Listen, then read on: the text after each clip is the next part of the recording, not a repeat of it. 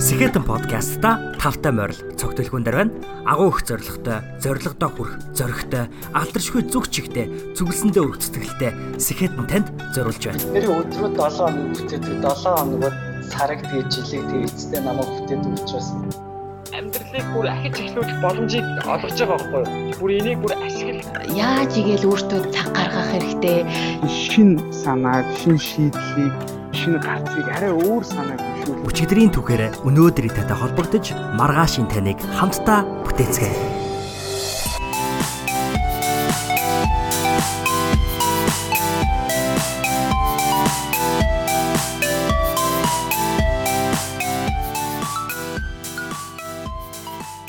«2005 онд Монгол улсдаа 10 жилийн сургуулаа төгсчхөөд Америк нэгдсэн улсад хэлний бэлтгэл суралцаж, улмаар тус улсын ихтэй сургуульд элсэн орох зорилгыг өөртлөн ирсэн нэгэн залуу хүүгийн түүхийн эзэн бол Нямын 8-ын энэ удаагийн 78 дугаар дугаарыг хөндөж зочин Бэ Батсүр юм а. Энэ цаг үеэс хойш 11 жилийн хугацааг Америк нэгдсэн улсын Калифорниа, Иллиной, Небраска, Юта зэрэг мужуудад ажиллаж амьдарч суралцж өнгөрөөж улмаар Америк нэгдсэн улсад хожим хойно түүний араас ирсэн Монгол хүүхэд залууст замыг нь засаж, жимийг нь тодруулж өгсөн нэгэн бол энэ удаагийн дугаарын хүнд зочин маань билээ. Америк нэгдсэн улсад үлдэж ажиллах сандлыг нэгэн том компанийн захирлаас хүлээн авсан ч гэсэн Монгол улсдаа эргэж очих шийдвэрийг оронд нь гаргасан түүний энэ шийдвэр нь амьдралтаа гаргаж байсан хамгийн зөв шийдвэр яагаад мөн байсан бэ?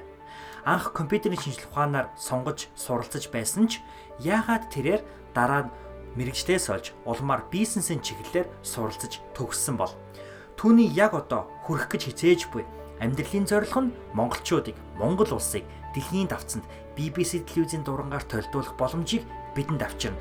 Тэгвэл бид түүний ямар зорилгыг яаж хэрхэн дэмжиж чадваас хамтдаа энэ боломжийг хүртэх боломжтой бай. Ингээд та бүхэн маань энэхүү хувийн санхүү, сахилга бат хариуцлага сэтгэлгээ ярьсан нэгэн баялаг дугаарыг маань хүлээн авна уу. Ингээд хэвлээ энэхүү Батсур ахтай ярилцсан гайхалтай нэгэн дугаар руугаа үсэрцгээе.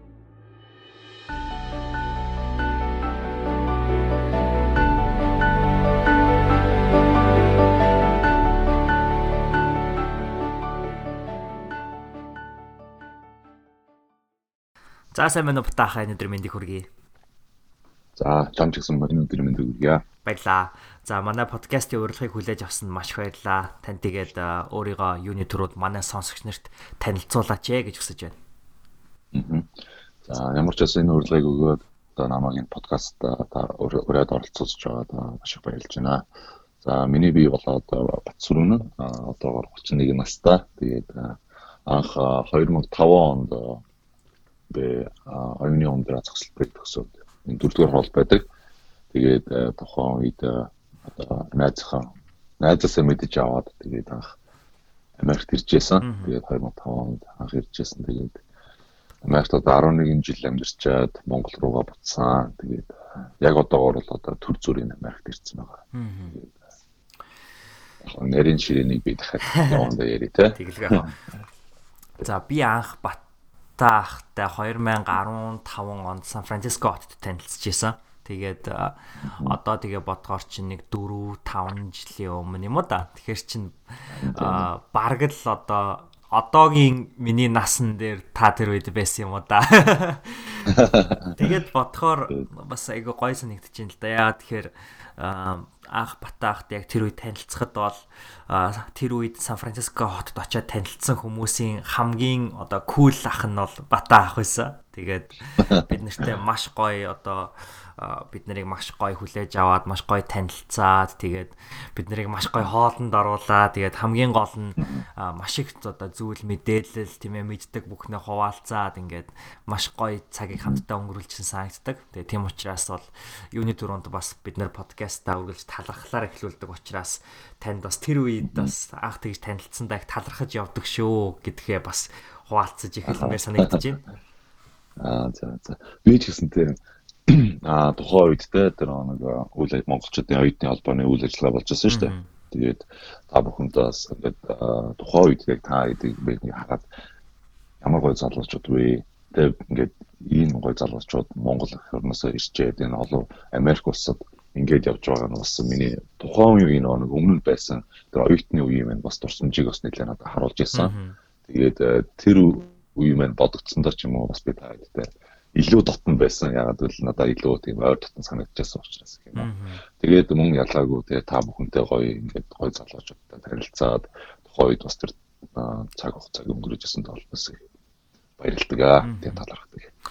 Тэгэлгүй яг хоо тэгээд тантай ярилцахын хамгийн надад догтолтой байгаа зүйл нь юу гэхээр а хоёулаа адилхан зүйл нь түрүүн хоёлаа ярилцахаа өмнө подкаст эхлүүлэхээ өмнө ярьжсэн зүйл нь хоёлаа яг 10 жилийн төгсөөд ирж исэн. А гэхдээ би бол 2013 онд та бол 2005 онд ирж исэн. Тэгэхээр бол миний бодлоор бол шал 2 цаг ондоо цаг үеүүдэд ирж байгаа байхгүй. Тэгээд ер нь бол би ингээд одоо ингээд Америкт ирээд хэдэн жил болж байгаа надад бодогдож байгаа зүг бодогдсон зүйл нь юу вэ гэхээр бид нар бол яг одоо 90 оноос хойш яг барууны оронд ирж байгаа хамгийн анхны одоо Монголын им generation тийм ээ үеийнхэн байгаа штэ. Тэгэхээр бол хамгийн анхны им одоо баруунчсан гэж хэлхэн ч одоо хайшаа чинь гэхдээ ер нь бол дэлхийн бас нэг ондоо ертөнцтэй танилцж байгаа тийм үеийнхэн. Тэгэхээр бол та бол бүр анхных нь болж таарж байгаа. Тийм учраас бол тантай активистийн тухай ярилцахад маш сонирхолтой байна. Гэхдээ би яриагаа болохоор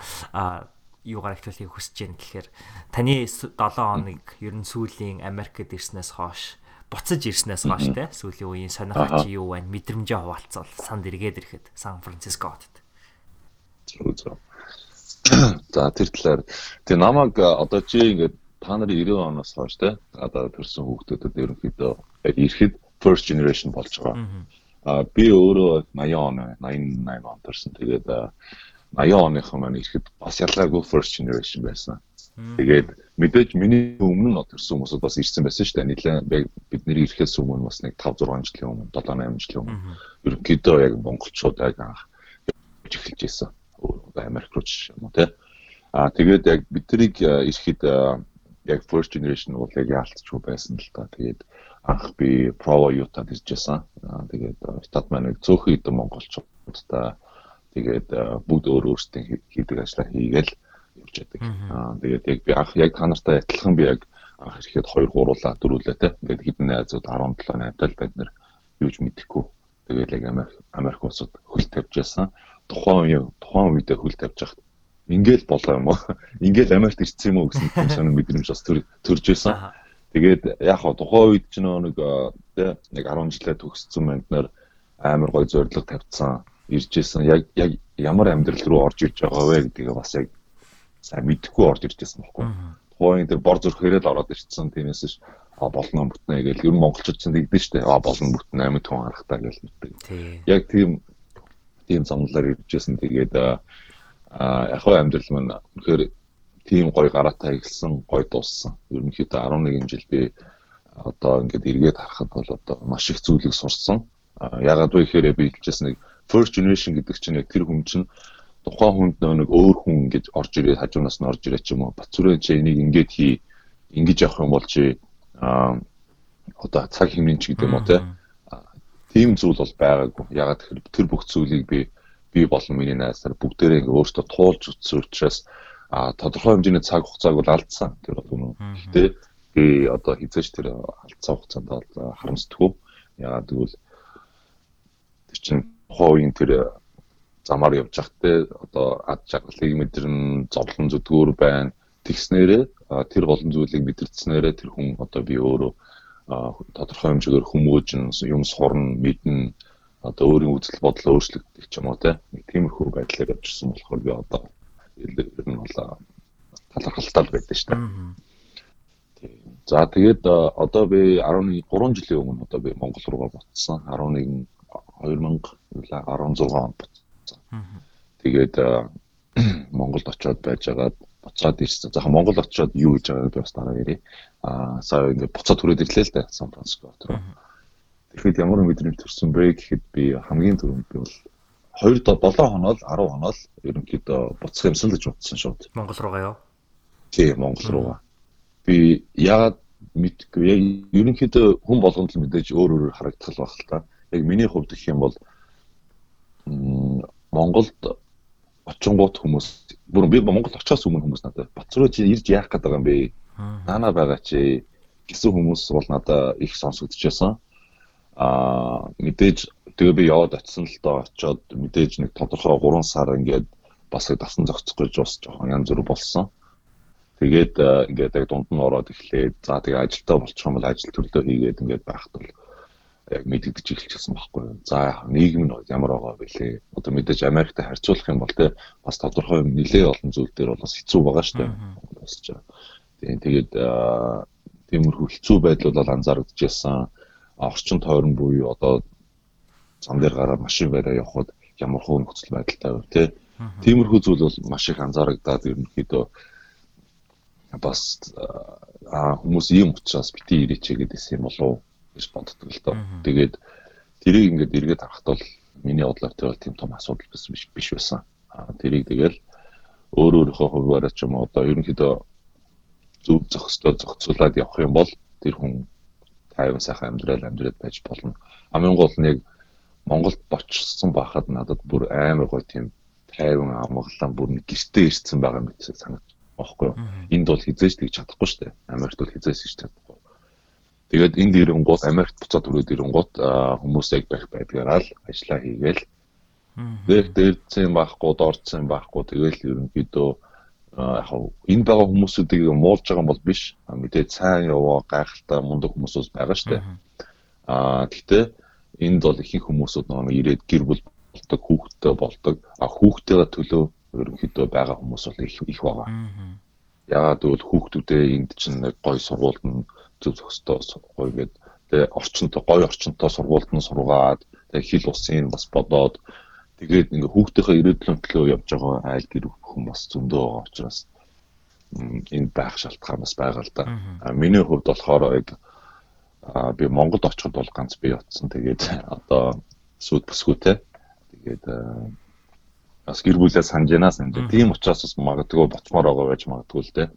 Аа танд ингээд эргээд ирэхэд мэдээж хэрэг Монголдо эргээд очих юмсан гэдэг мэдрэмж төрсөн гэдэг чинь. Аа түүнээс гадна яг эсрэг одоо мэдрэмж ч гэдэг юм уу?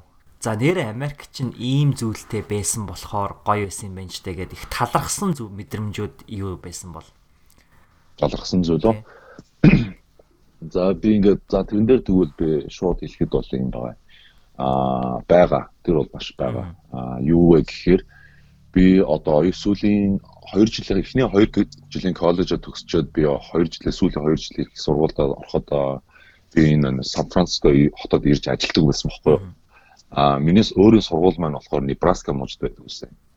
Тэгээд би хичнээн холж гисэн. Би ингээд эртхэн захиалаад билетээ аваад ишээ ирээд яг амралтынхаа өдрөд харуулж агаад тэгж ирж лимузин гэдэг одоо машин барьдаг ажлыг хийдэг байсан. Тэгээд энэ ажлыг хийдэг байснараа нэгдүгээрт би энэ ажил ажлын ажил одоо ажлыг хийж хийдэг байхдаа уулзсан хүмүүсээс болж би ерөнхийдөө мэрэгчлээ сольсон. Яагаад гэвэл би тухайд компьютер сайенсаар сурдаг гэж байгаад энд ирээд энэ ажлыг хийгээд энэ хүмүүстэй уулзаад би бизнесийн мэрэгчлээ болж төгссөн. Аа хоёрдугаарт аа юу гэхээр энэ ажлыг хийж байгаад би энэ хүмүүстэй уулзснараа маш их мэдээллийг олж авдаг одоо мэдээллийг олж авахаас гадна энэ хүмүүсээс би тодорхой хэмжээгээр их юм сурдаг байсан л да. Яагаад вэ гэхээр одоо энэ лимузиныг ашигладаг хүмүүс чинь ихэнх нь одоо бизнесмен хүмүүсд байдаг. Бизнесмен одоо ямар нэгэн компани тэ захирал юу гэдэг янз бүрийн хүмүүс байгаа. Мэдээж аялж байгаа хүмүүс ч гэсэн байгаа. Аа тэгээд ихэнх тохиолдолд маань тийм хүмүүстэй уулздаг байсан учраас би тэднэрээс ингээд маш их мэдээллийг цуглуулад аа дараа нь тэгээд тэр хүмүүстэйгээ би одоо манайхар чи байн үйлшүүлдэг хүмүүс байна да. А тэр хүмүүстэйгээ байнга яваад хаа нөгөө хүмүүс чинь намайг юу хийдгийг хүртэл мэдээд тэ. А одоо чи нэг нь одоо LMI гэдэг том компани байдаг. Одоо саяхан бол Америкийн топ 10 одоо компаниудын нэгийг шалгаж байсан. Тэр компани захирал бол одоо жишээ нь аа бид нар байнга үйлчлүүлдэг. Тэгээ намайг бүр сайн мэддэг. Би бүр байнга авсараа мэддэг болсон. Тэгсэн чи яг намайг төгсөгч хэлжтэй. Төгссөний дараа би одоо яг нөгөө Монгол буцах яах уу одоо тий яг тийм байгаа нөхцөлд байжсэн чинь. Эй намайг Америкээр болохоор Брайант гэдэг. Брайанта тэгээд чамаг би тий ажилд чамд ажлын сан болгомоор байна гэсэн бохоггүй ягаад тэгэхээр тэр хүн мэддэг ягаад тэгэхээр тэр өөрөө ч гэсэн тийм олон ажилчинтай одоо өөр орны гэх юм уу? Өөр орны ажилчтай. Тэгэхээр бас хэцүү шүү дээ. Ягаад гэвэл энэ тоо компаниуд чинь гадны хүнийг аваад тэгэхээр тэрний бичиг байрамд одоо юу гэдэг green card гэлтэй тэр бүгнийг чинь авч өгөхөд чинь бөө асуудал байна. Тэр бүгдийг мэдсээр байж тийм гой боломжийг гаргаж өгөөд надаа ингэж гой санал тавьж ирсэн. Тэгэхээр э, миний хэлэх гээд байгаа зүйл маань юу вэ гэхээр Америк улсад а зөв яваад одоо тий зөв яваад боломжийг ингээ алдахгүйгээр тий ямар нэгэн боломж гарч ирээд харж байгаа тохиолдолд амар гой боломжууд бол зөндөө гарч ирдэг. Тэгэхээр тэр боломжуудыг бас өөрөө мэдээж тэр одоо үүсгээд одоо боломжуудыг хайгаад тэмүүлээд тэрнийхээ төлөө явж чадах юм бол миний бодлоор Америк улсад илүү нээлттэй ягаад гэвэл энэ чинь мангар олон олон хүнтэй шүү дээ. Тэгээд миний бодлоор тэр дундаас гой гой боломж бол бас их гарч ирдэм болоо гэж би бодсон. Аа мэдээж Монголд бол байгаа бах. Би гэхдээ Монголд ч анх 17 тод Монголоос явцсан болохоор би одоохондоо яг сайн мэдэхгүй байгаа л да. Тэгээд яг өөрт тохиолдсон Америкт одоо энэ яг тийм тийм байдалд одоо нөхцөлтэй байснаагаа хэлсэн. Ингээ тань таны одоо түүхийг ингээ баг багаар сонсохоор улам их одоо гүнзгий судалмаар ярилцмаар зүйл маш их байна л да. Гэтэ нэвтрүүлгийнхаа ихэнд хэлжсэнчлэн хамгийн их одоо Америкт ирсэн эхлэлээс нь бас би тантай ярилцахыг хүсэж байна. Яагаад тэгэхээр та дөрөв дуртажсэн ингээ анх ингээ Америкт ирээд 5 2005 онд ирнэ гэдэг чинь нэг ясандаа та бол одоо Америкт байгаа маш олон монгол залуучуудын тухайн нөгөө жимиг нь гаргаж исэн тийм ээ нөгөө замыг засж засж исэн хүмүүсийн нэг байгаа байхгүй Тэгэхээр энэ одоо та түрүү хэлжсэн хин ч ингээд танд ингүүл цаг хугацаа бага алдан шүү гэж хэлэх хүн байгаагүй. Тийм учраас бол маш их цаг хугацаа бас одоо алдах ч гэдэг юм уу. Тиймэрхүү зүйлүүд танд байсан гэдэг хэлжсэн. Тэгэхээр бол зэрэг энийг бол би нэлээд тантай бас одоо гүнзгий ч гэдэг юм уу ярилцахыг хүсэж байна л да. Тэгэхээр хамгийн анх ер нь та 2005 онд оюуны ундраа гэдэг одоо энэ хөө сургуулийг төгсөөд Америкт ирэх одоо энэ сэдлийг ер нь хаанаас авч исэн бол Аа энэ сэтэл маань бол их одоо их ялбархаа эхэлжсэн л да. Яагаад тэгэхээр тухайн үед би яг 10 жилээ төгсөж исэн. Аа төгсгöd нэг 2 3 сар үлдсэн байсан. Аа тэгсэн чинь тухайн үе миний нэг найз аа манай найз одоо миний сайн найзууд нэг л дээ. Найз маань Батцүрэ одоо ингээ баярлаа баяртай би явлаа гэдэгжсэн л дээ.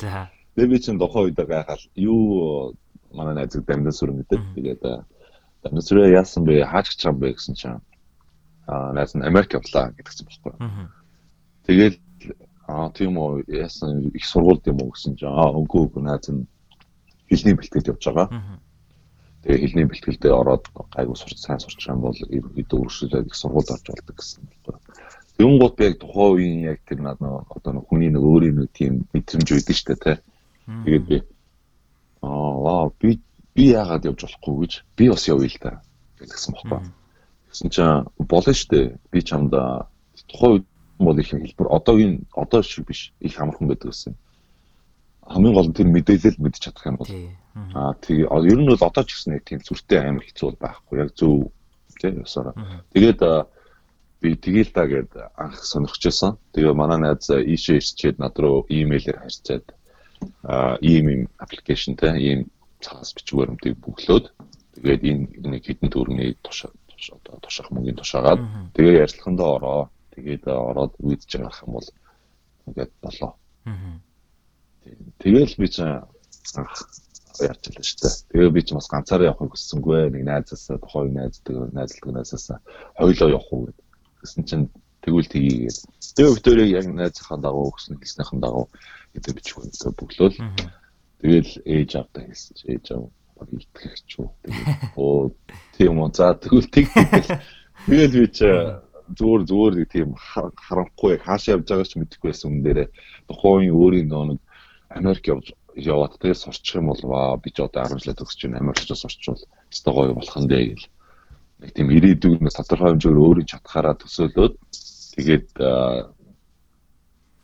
тэгээд тухайн дээр хитэн зүйлүүдийг хийгээд яг даваад ирж ирсэн. Тий. Тэгээд ингээд одоо ингээ бодохоор бас л амар шийдвэр гаргасан. Тэгээд тэр нь мэдээж одоо ямар байгаа вэ тий. Тэгэхээр би ч гэсэн анх яг одоо хэлний бэлтгэлээр ирж исэн. Тэгээд яг ондоо зүйл нь юу гэхээр зүгээр манай одоо үеэлүүд үеэлэгч маань ялангуяа энд сурцсан байсан. Тэгэхээр бол ингээд бас яг адилхан ингээд ерөөсөө ингээд би очоод нөгөө төлбөрөө яах вэ гэж гэх юм уу те. Тэр юм яриг бас ерөөсөө бодож байгаагүй. Тэгэл за Америкт л очих хэвээр байна эхлээд ихний ээлж нь гэл тэгээд тэр төлбөр мөнгөний асуудал бол ерөөсөө тийм хоёр дахь ч юм уу баргадгүй бүр гурав дахь дөрөв дахь чи нэг юм асуудал юм шиг байна. Тэгээд та бас түрүүн хэлжсэн шүү дээ. Ингээ манай одоо ер нь бол монгол хүмүүс маань за болно доо гэд ингээд яачдаг гэ тэ. Одоо тэгэж итгэдэг. Тэгэхээр итгэл одоо найдвартай ч гэдэг юм уу. Тэгээ тийм итгэл найдварч байсан юм. Тэгэхээр та бас ингээд хэлний бэлтгэдээ очоод тэгээд яг ингээд сургуультай орох болсон чинь бас яг адилхан асуудлууд бас гарч ирсэн гэж итгэж байна тэрийг одоо хэрхэн даван туулж исэн бэ? За тэрийг бол одоо яг үнэлдэ би яг хэлний төлтөлдөө ирээд чи ирэхдээ нэг эхнийхээ семестрийн мөнгө буюу одоо 3 сарынхаа мөнгөийг төлдөө штэ тэ Монголоос ирэхдээ тэрийг бол би тухайн үед бол тэгэл яг ээж аваасаа ингээд аваад төлж исэн. А тэрнээс хаашгаа бол би баг өөрөө өөрийгөө л яаж байгаа байхгүй өөрөө өөрийгөө өөрөө өөрөө л олж тэр мөнгийг төлнө. Тэгвэл бол би байнга ээж аваасаа аваад чадахгүй угаасаа тэр боломж бол бас байгаагүй.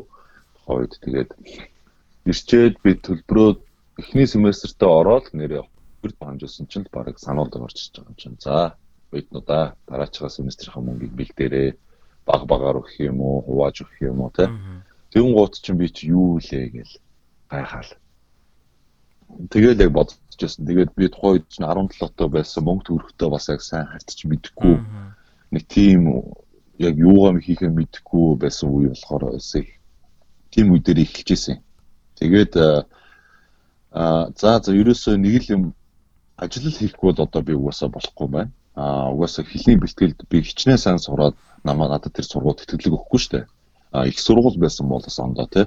Хэлний бэлтгэл чинь тийм scholarship өгнө гэсэн асуудал бол баг байхгүй.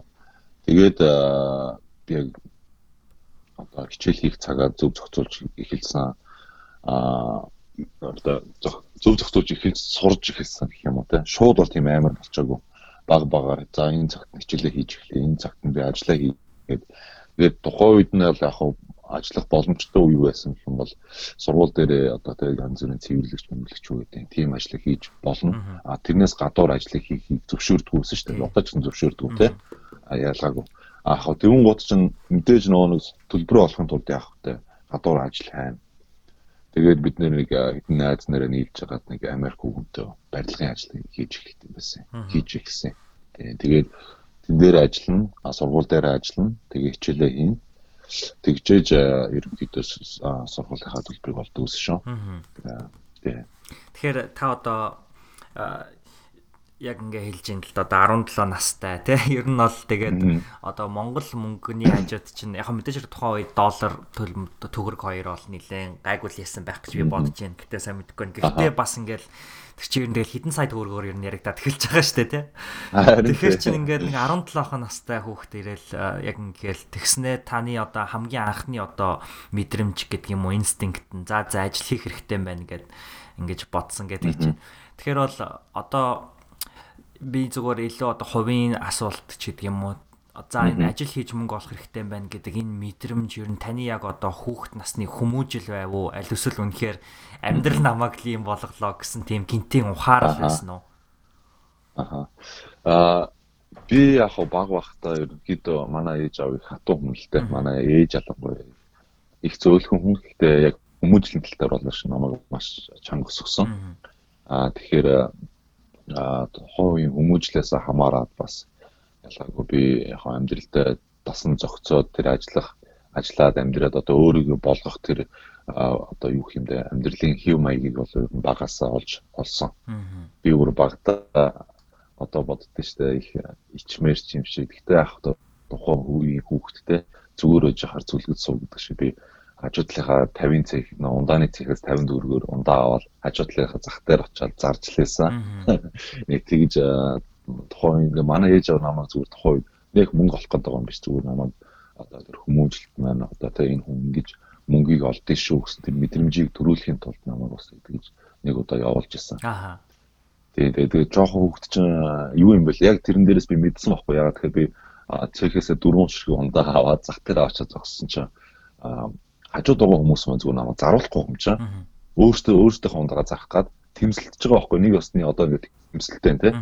Тэрийг яг багтаа яг тэр мэдрийг мэдрэмжийг би мэдчих А тухайн үед мэдхгүй ч гэсэн одоо би ингээд бодохоор надад амар гой сургамжтай байсан. Ягаад тэгэхээр тэр хүмүүсийн дундаас би яаж гарч иж ундаага зарах вэ? А гэтэл ингээд тэр үнд яг тэрийг анзаарсан нэг хүн байсан бохоггүй ундаа авах гэсэн хүн. За. Тэрэн гутыг над дээр над дээрээс 90 гутаа шүү минийхийг ингээд бүр ингээд сонгоод авч ирсэн. Тэгээд би байсан. Заавал хүнээр ингэж те өөр өөр нь харуул сонгуулах биш ээ. Энэ бол амьдрал бэг гэж бодож байсан. Ингэж би зарах юм бол ундаа хизээ зарахгүй юм байна.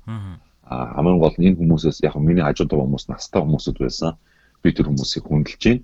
А гэхдээ амьдрал бол амьдрал те амьдралын төлөө хүн тэмцэх ёстой. А тэр хүн настаач байж болно, өвийн хүн ч байж болно шүү дээ. А тэгэхээр тэр өндөндөөс яаж гарч ирэх вэ гэдэг тэр мэдрэмжийг тохоо үедээ бас авч ирсэн болохоор тэр мэн одоо ингээд хойч үедээ бас те өөрт минь бас тодорхой хэмжээгээр нөлөөлсөн юм болов гэж бас боддоо шүү дээ. Маш гоё үг амьдралын төлөө тэмцэх ёстой гэх.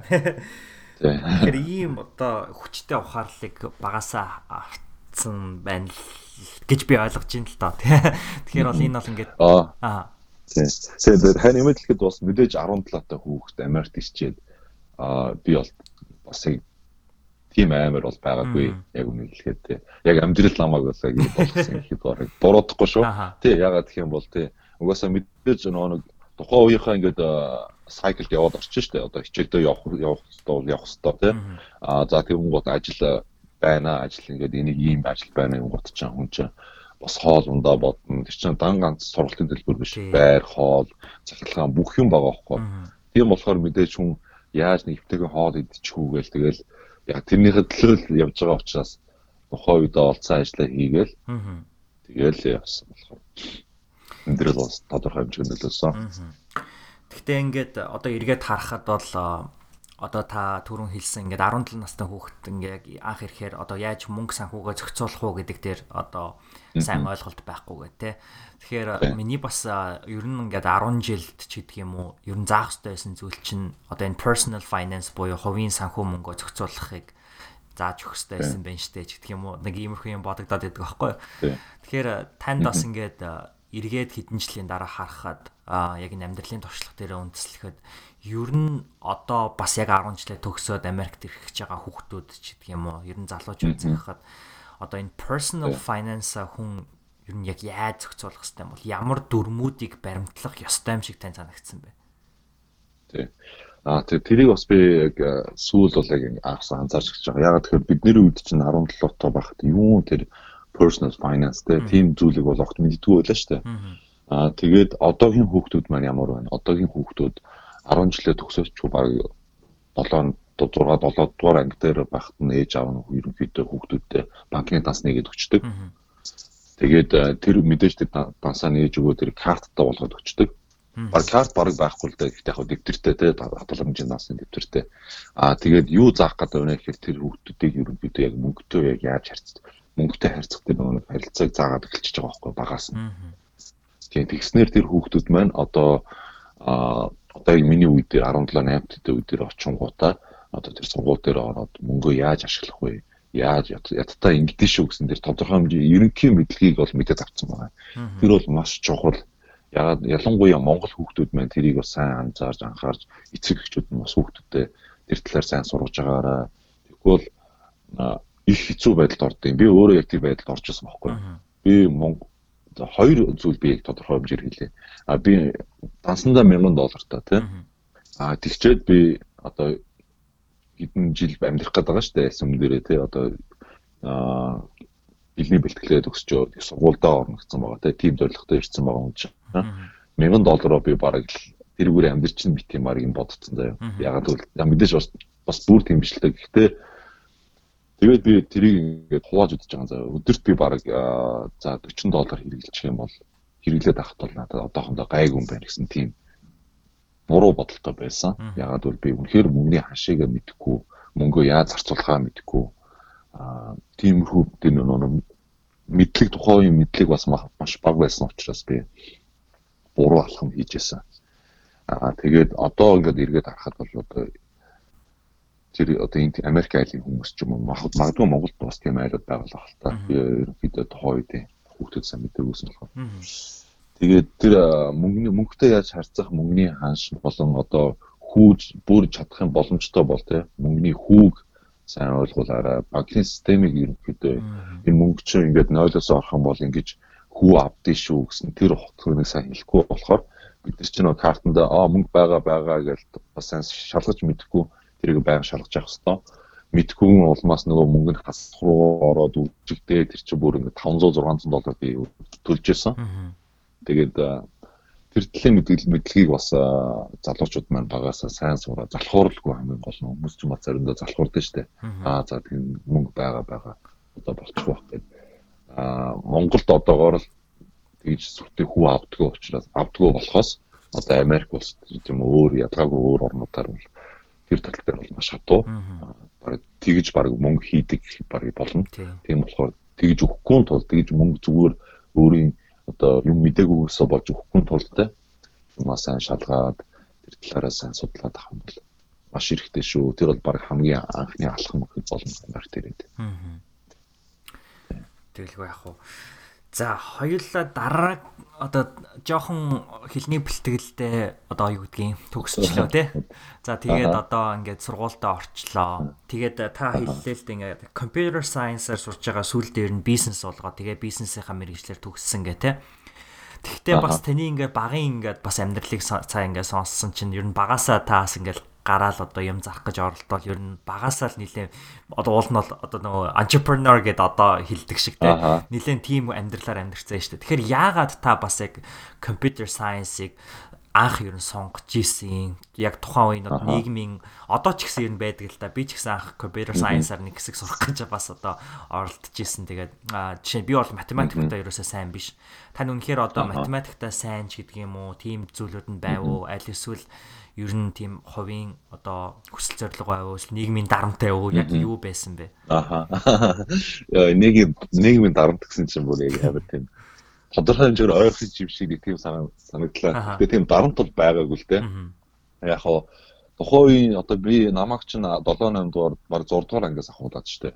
Байхад чинь Монгол бас тийм компьютер тэгж дэлгэрээгүй байсан юм. Бараг тийм ховор ховор хороо ховор бараа байсан байхгүй юу? Тэгээд яг манай аав яг ажлынхаа шугамар нэг компьютертэй гэртээ нэг дээр үеийн компьютертэй. Тэрэн дээр нь би ингээд ашиглаад ерөнхийдөө баг зэрэг мэдлэг авдаг болсон байсан. За тэгээ байжсэн чинь манай 10 жил маань өөртөө компьютертэй болоод тэгээд компьютерийн хичээл заадаг болсон гэсэн бохоггүй. Тэгсэн чинь компьютер дээр явахдаа би чинь гэрте компьютертэй хүн чинь мэдээж тэн дээр онц авнаад ингээд онц монц аваад хамаг хамаг компьютертэй юм холбоотой юм би хийдэг. Сургуулийнхаа компьютерийг засуулахаар би засдаг. Тиймэрхүү маяг юм байсан бохоггүй. Тэгээд давхар бас манай багш нар ч нөгөө тухайн үед ч нөгөө жилийн эцсийн тайлангаа гэдэг бүгд ингээ гараараа бичдэг. Тий. Тий. Тэгээ үед ч нөгөө компьютер гараад ирсэн чи яах вэ? Компьютерээр бичмээр санагдсан юм уу?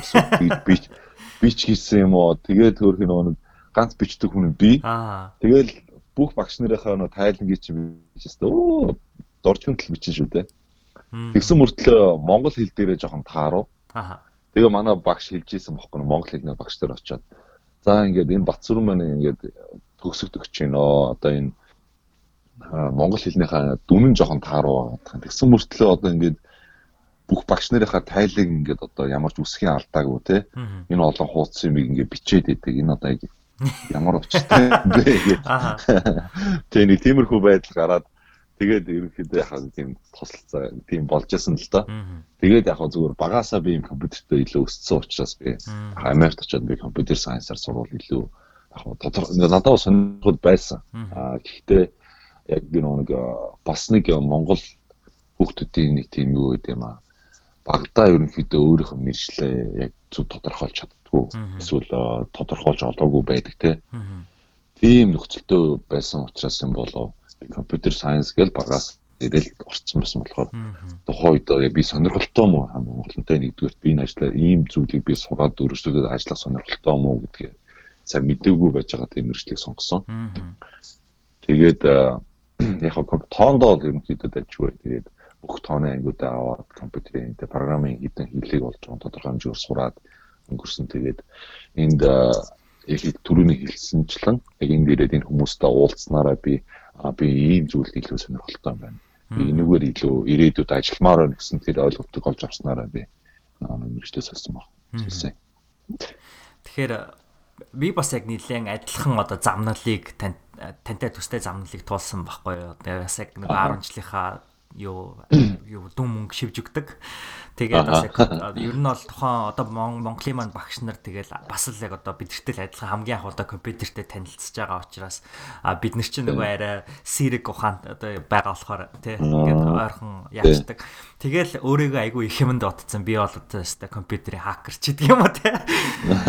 Тэгтээ яг ингээд сурахаар бол ингээд шал ондоо санагдчихсэн. Тэгээд гэтээ надад хамгийн том нөлөөлсөн нөлөөл нь юу гэхээр орчин үед ер нь хүн яг нэг нарийн сэдв рүү орохоос илүүтэйгээ илүүтэйгээр одоо сүүлийн үед нэг polymath гэдэг юм нэг ийм үгнүүд гарч ирээд байх шиг байна лээ. Тэг ингээ олон талын мэдлэгтэй. Аа гэхдээ ер нь одоо чинь компьютер ч гэдэг юм уу, ер нь одоо энэ орчин үеийн техник хэрэгслүүдийг бол зөвхөн хэрэглүүр болгож ашигладаг мөртлөө илүү олон талын мэдлэгтэй чадвартай хүмүүс нь илүү бас нийгэмд амжилттай яваад байгаа юм шиг одоо харагдсан л та.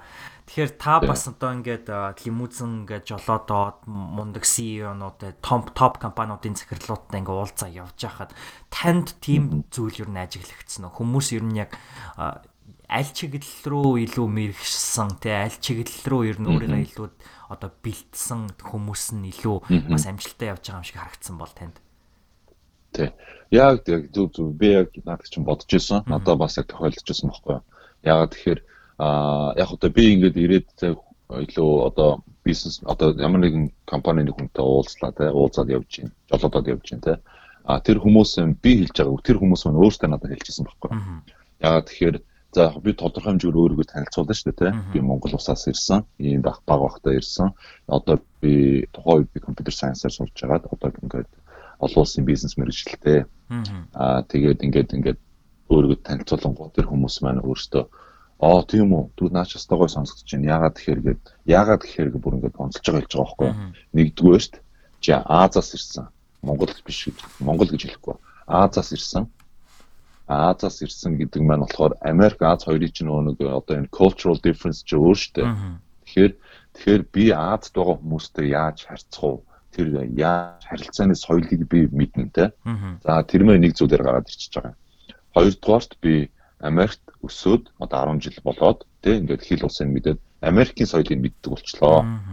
За тэгэхээр би дэлхийгээр одоо ингээд ямар нэгэн олон улсын бизнесийг хийлээ гэхэд би хоёр талын том юм соёлыг мэддэг болчихлоо шүү дээ. Тэр мэн бол одоо амар чухал бол гарч ирж байсан. За тэгээд мэдээж эндээ мэрэгчлээ авцсан болохоор аа тэгээд нөө компьютер сайенсыг би ингээд урдсан болохоор тэр бас амар зүг байсан. Угаасаа тийм ямар ч одоо газар очиод ажил хийсэн ч гэсэн те компьютерийн мэдлэг мэдлэг бол маш өндөр байх хэрэгтэй. А тэрнийхээ дагуу ингээд мэддэг болцсон. За тэгэхээр тэр маань бас нэг давуу тал болоод гараад ирчихэж байгаа. Тэгээд бизнесийн мэрэгчлээ гэхээр чинь би одоо энд байдаг за одоо юу гэдэг бизнес ethics те тэр бүх зүйлийг одоо ингээд мэддэг болчлоо. За тэр маань бас нэг зүйл гараад ирчихэж байгаа байхгүй юу? Тэгээд тэгээд ингээд энэ бүгдийг ингээд тэгээд bilingual одоо жишээ заримдаа орсоор жоохон гэдэг бол тэгээ бараг гурван хэлтэй болох гэдэг шүү дээ. Монгол яг Монгол. Гэхдээ мэдээж Монгол хэл маань а дэлхийн тавчанд тавцан дээр гарахаар бас жоохон багддаг ягаад гэхээр монголоор ярьдаг хүн цөөхөн учраас. Тэгэхээр аль болох бол нэг хятад хэлтэй байвас хятад хэлтэй англи хэлтэй за тэгээ миний саний хэлсэнчлэн ийм хүн нөхцөлөдийг бүрдүүлсэн багт бол ер нь ямар ч компанид орно шүү. Тэгээ тэд нэр их дуртай байд юм билээ. Ягаад тий өөрсдөө нөгөө тэгж байнга нэг олон улсаар ингэж явж аялж одоо бизнесийн мэрэгд байнга оролцдог хүмүүс чинь аа яг энэ нөө тэр хэцүү байдлыг мэдрээд авцсан учраас аа яг тэгээд тэр хэцүү байдал дээр нь ийм хүн байна гэдээ гараад ирэхээр бас их дуртай байд юм билээ. Тэгэхээр дан ганц гэлтгүй мэдээж яг над шиг одоо ийм хүү байдлаар явж байгаа зөндөө хүмүүс байгаа шүү дээ. Тэгэхээр энэ хүмүүс маань бас бодоод үзээрэй. За тэгвэл би тэгвэл магадгүй энэ байдалд аль хэдийн очтсон байгаа юм. За тэгвэл одоо би юу хийх вэ? Хилээ сайжруулъя. Би өөр хэл сурыг арай одоо хятад хэл ч юм уу Япон байсан ч болно тийм. Аа. Одоо. Би ингээд одоо тантай ингээд ярилцаад ер нь ингээд явж хагаад одоо би танаас нэг ярилцахыг хүсэж байгаа зүйл нь юу гэхээр сэтгэлгээ авахгүй юу. Тэгээд яг ингээд та ингээ түрүүн хэллээ ингээ хүмүүс ингээ өөрсдөө одоо тантай ингээ одоо тэр компани захирлууд ч юм ингээ өөрсдөө одоо ерөнхийдөө бол таныг ерөөсөө асуугаагүй байхад ингээ хилээд дээ штэ Тий. маш их мэдээлэл үндсэнтэй мэдээлэл өгөөд байна. Тэгээд би нэвтрүүлгийнхаа ихэнд ингээд одоо дурдж исэн тантай ингээ анх уулзахад та бид нарыг маш гоё урайлхан хүлээж аваад танилцуулаад Сан Франциско хотыг үзүүлээд бидний зураг хөргийг авч өгөө те хоолн молн тэгээд хамгийн гол нь тэдгээрээс илүүтэйгээр та бидэрт маш их ингээ мэдээллүүдийг өгж ирснийг би сандаг байхгүй.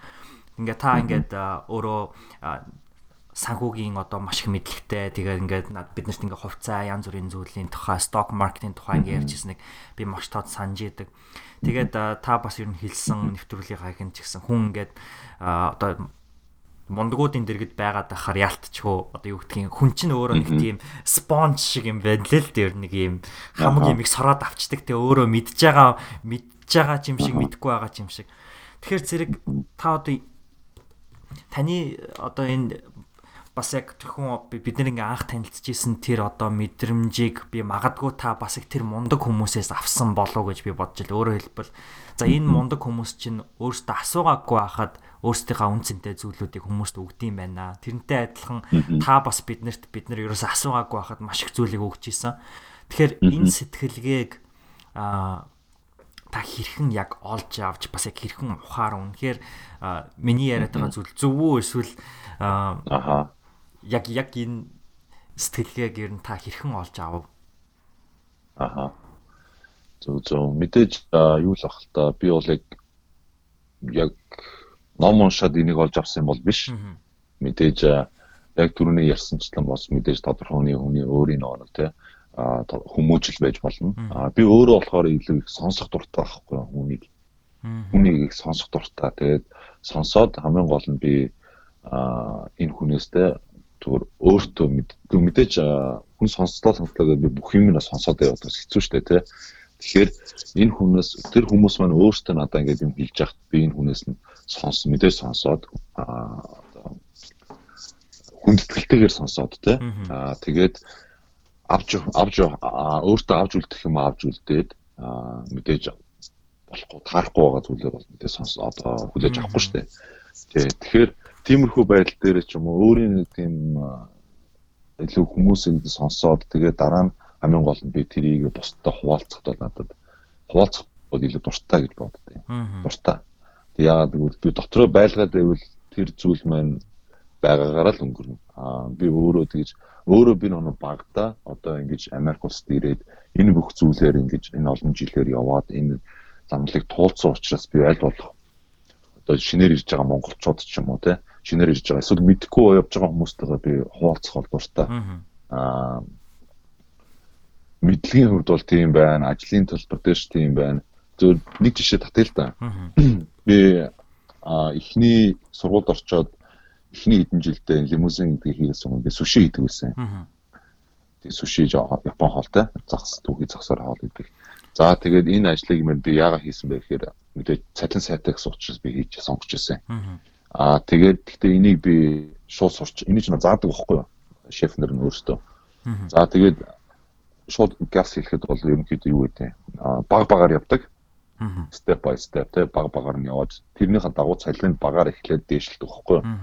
Тэгээ би анх орж ирээд ингээд баг багаар сураад би тэгээ жил 2 жил 3 жил ингээд ажиллаад тэгээ би ингээд хамгийн сүүлдээ head chef болоод байж исэн. Аа тэгэн гут яг дагаад монголчууд орж ирдэг байхгүй юу? Багаас нь одоо ингээд суши болох суши мэн болгож байгаа хүмүүсээ. Тэгээ гут нь би за сонсчээ. Та нар одоо ингээд над чиг явах юм бол та нар мүддгүү наач хэдэн жил болно.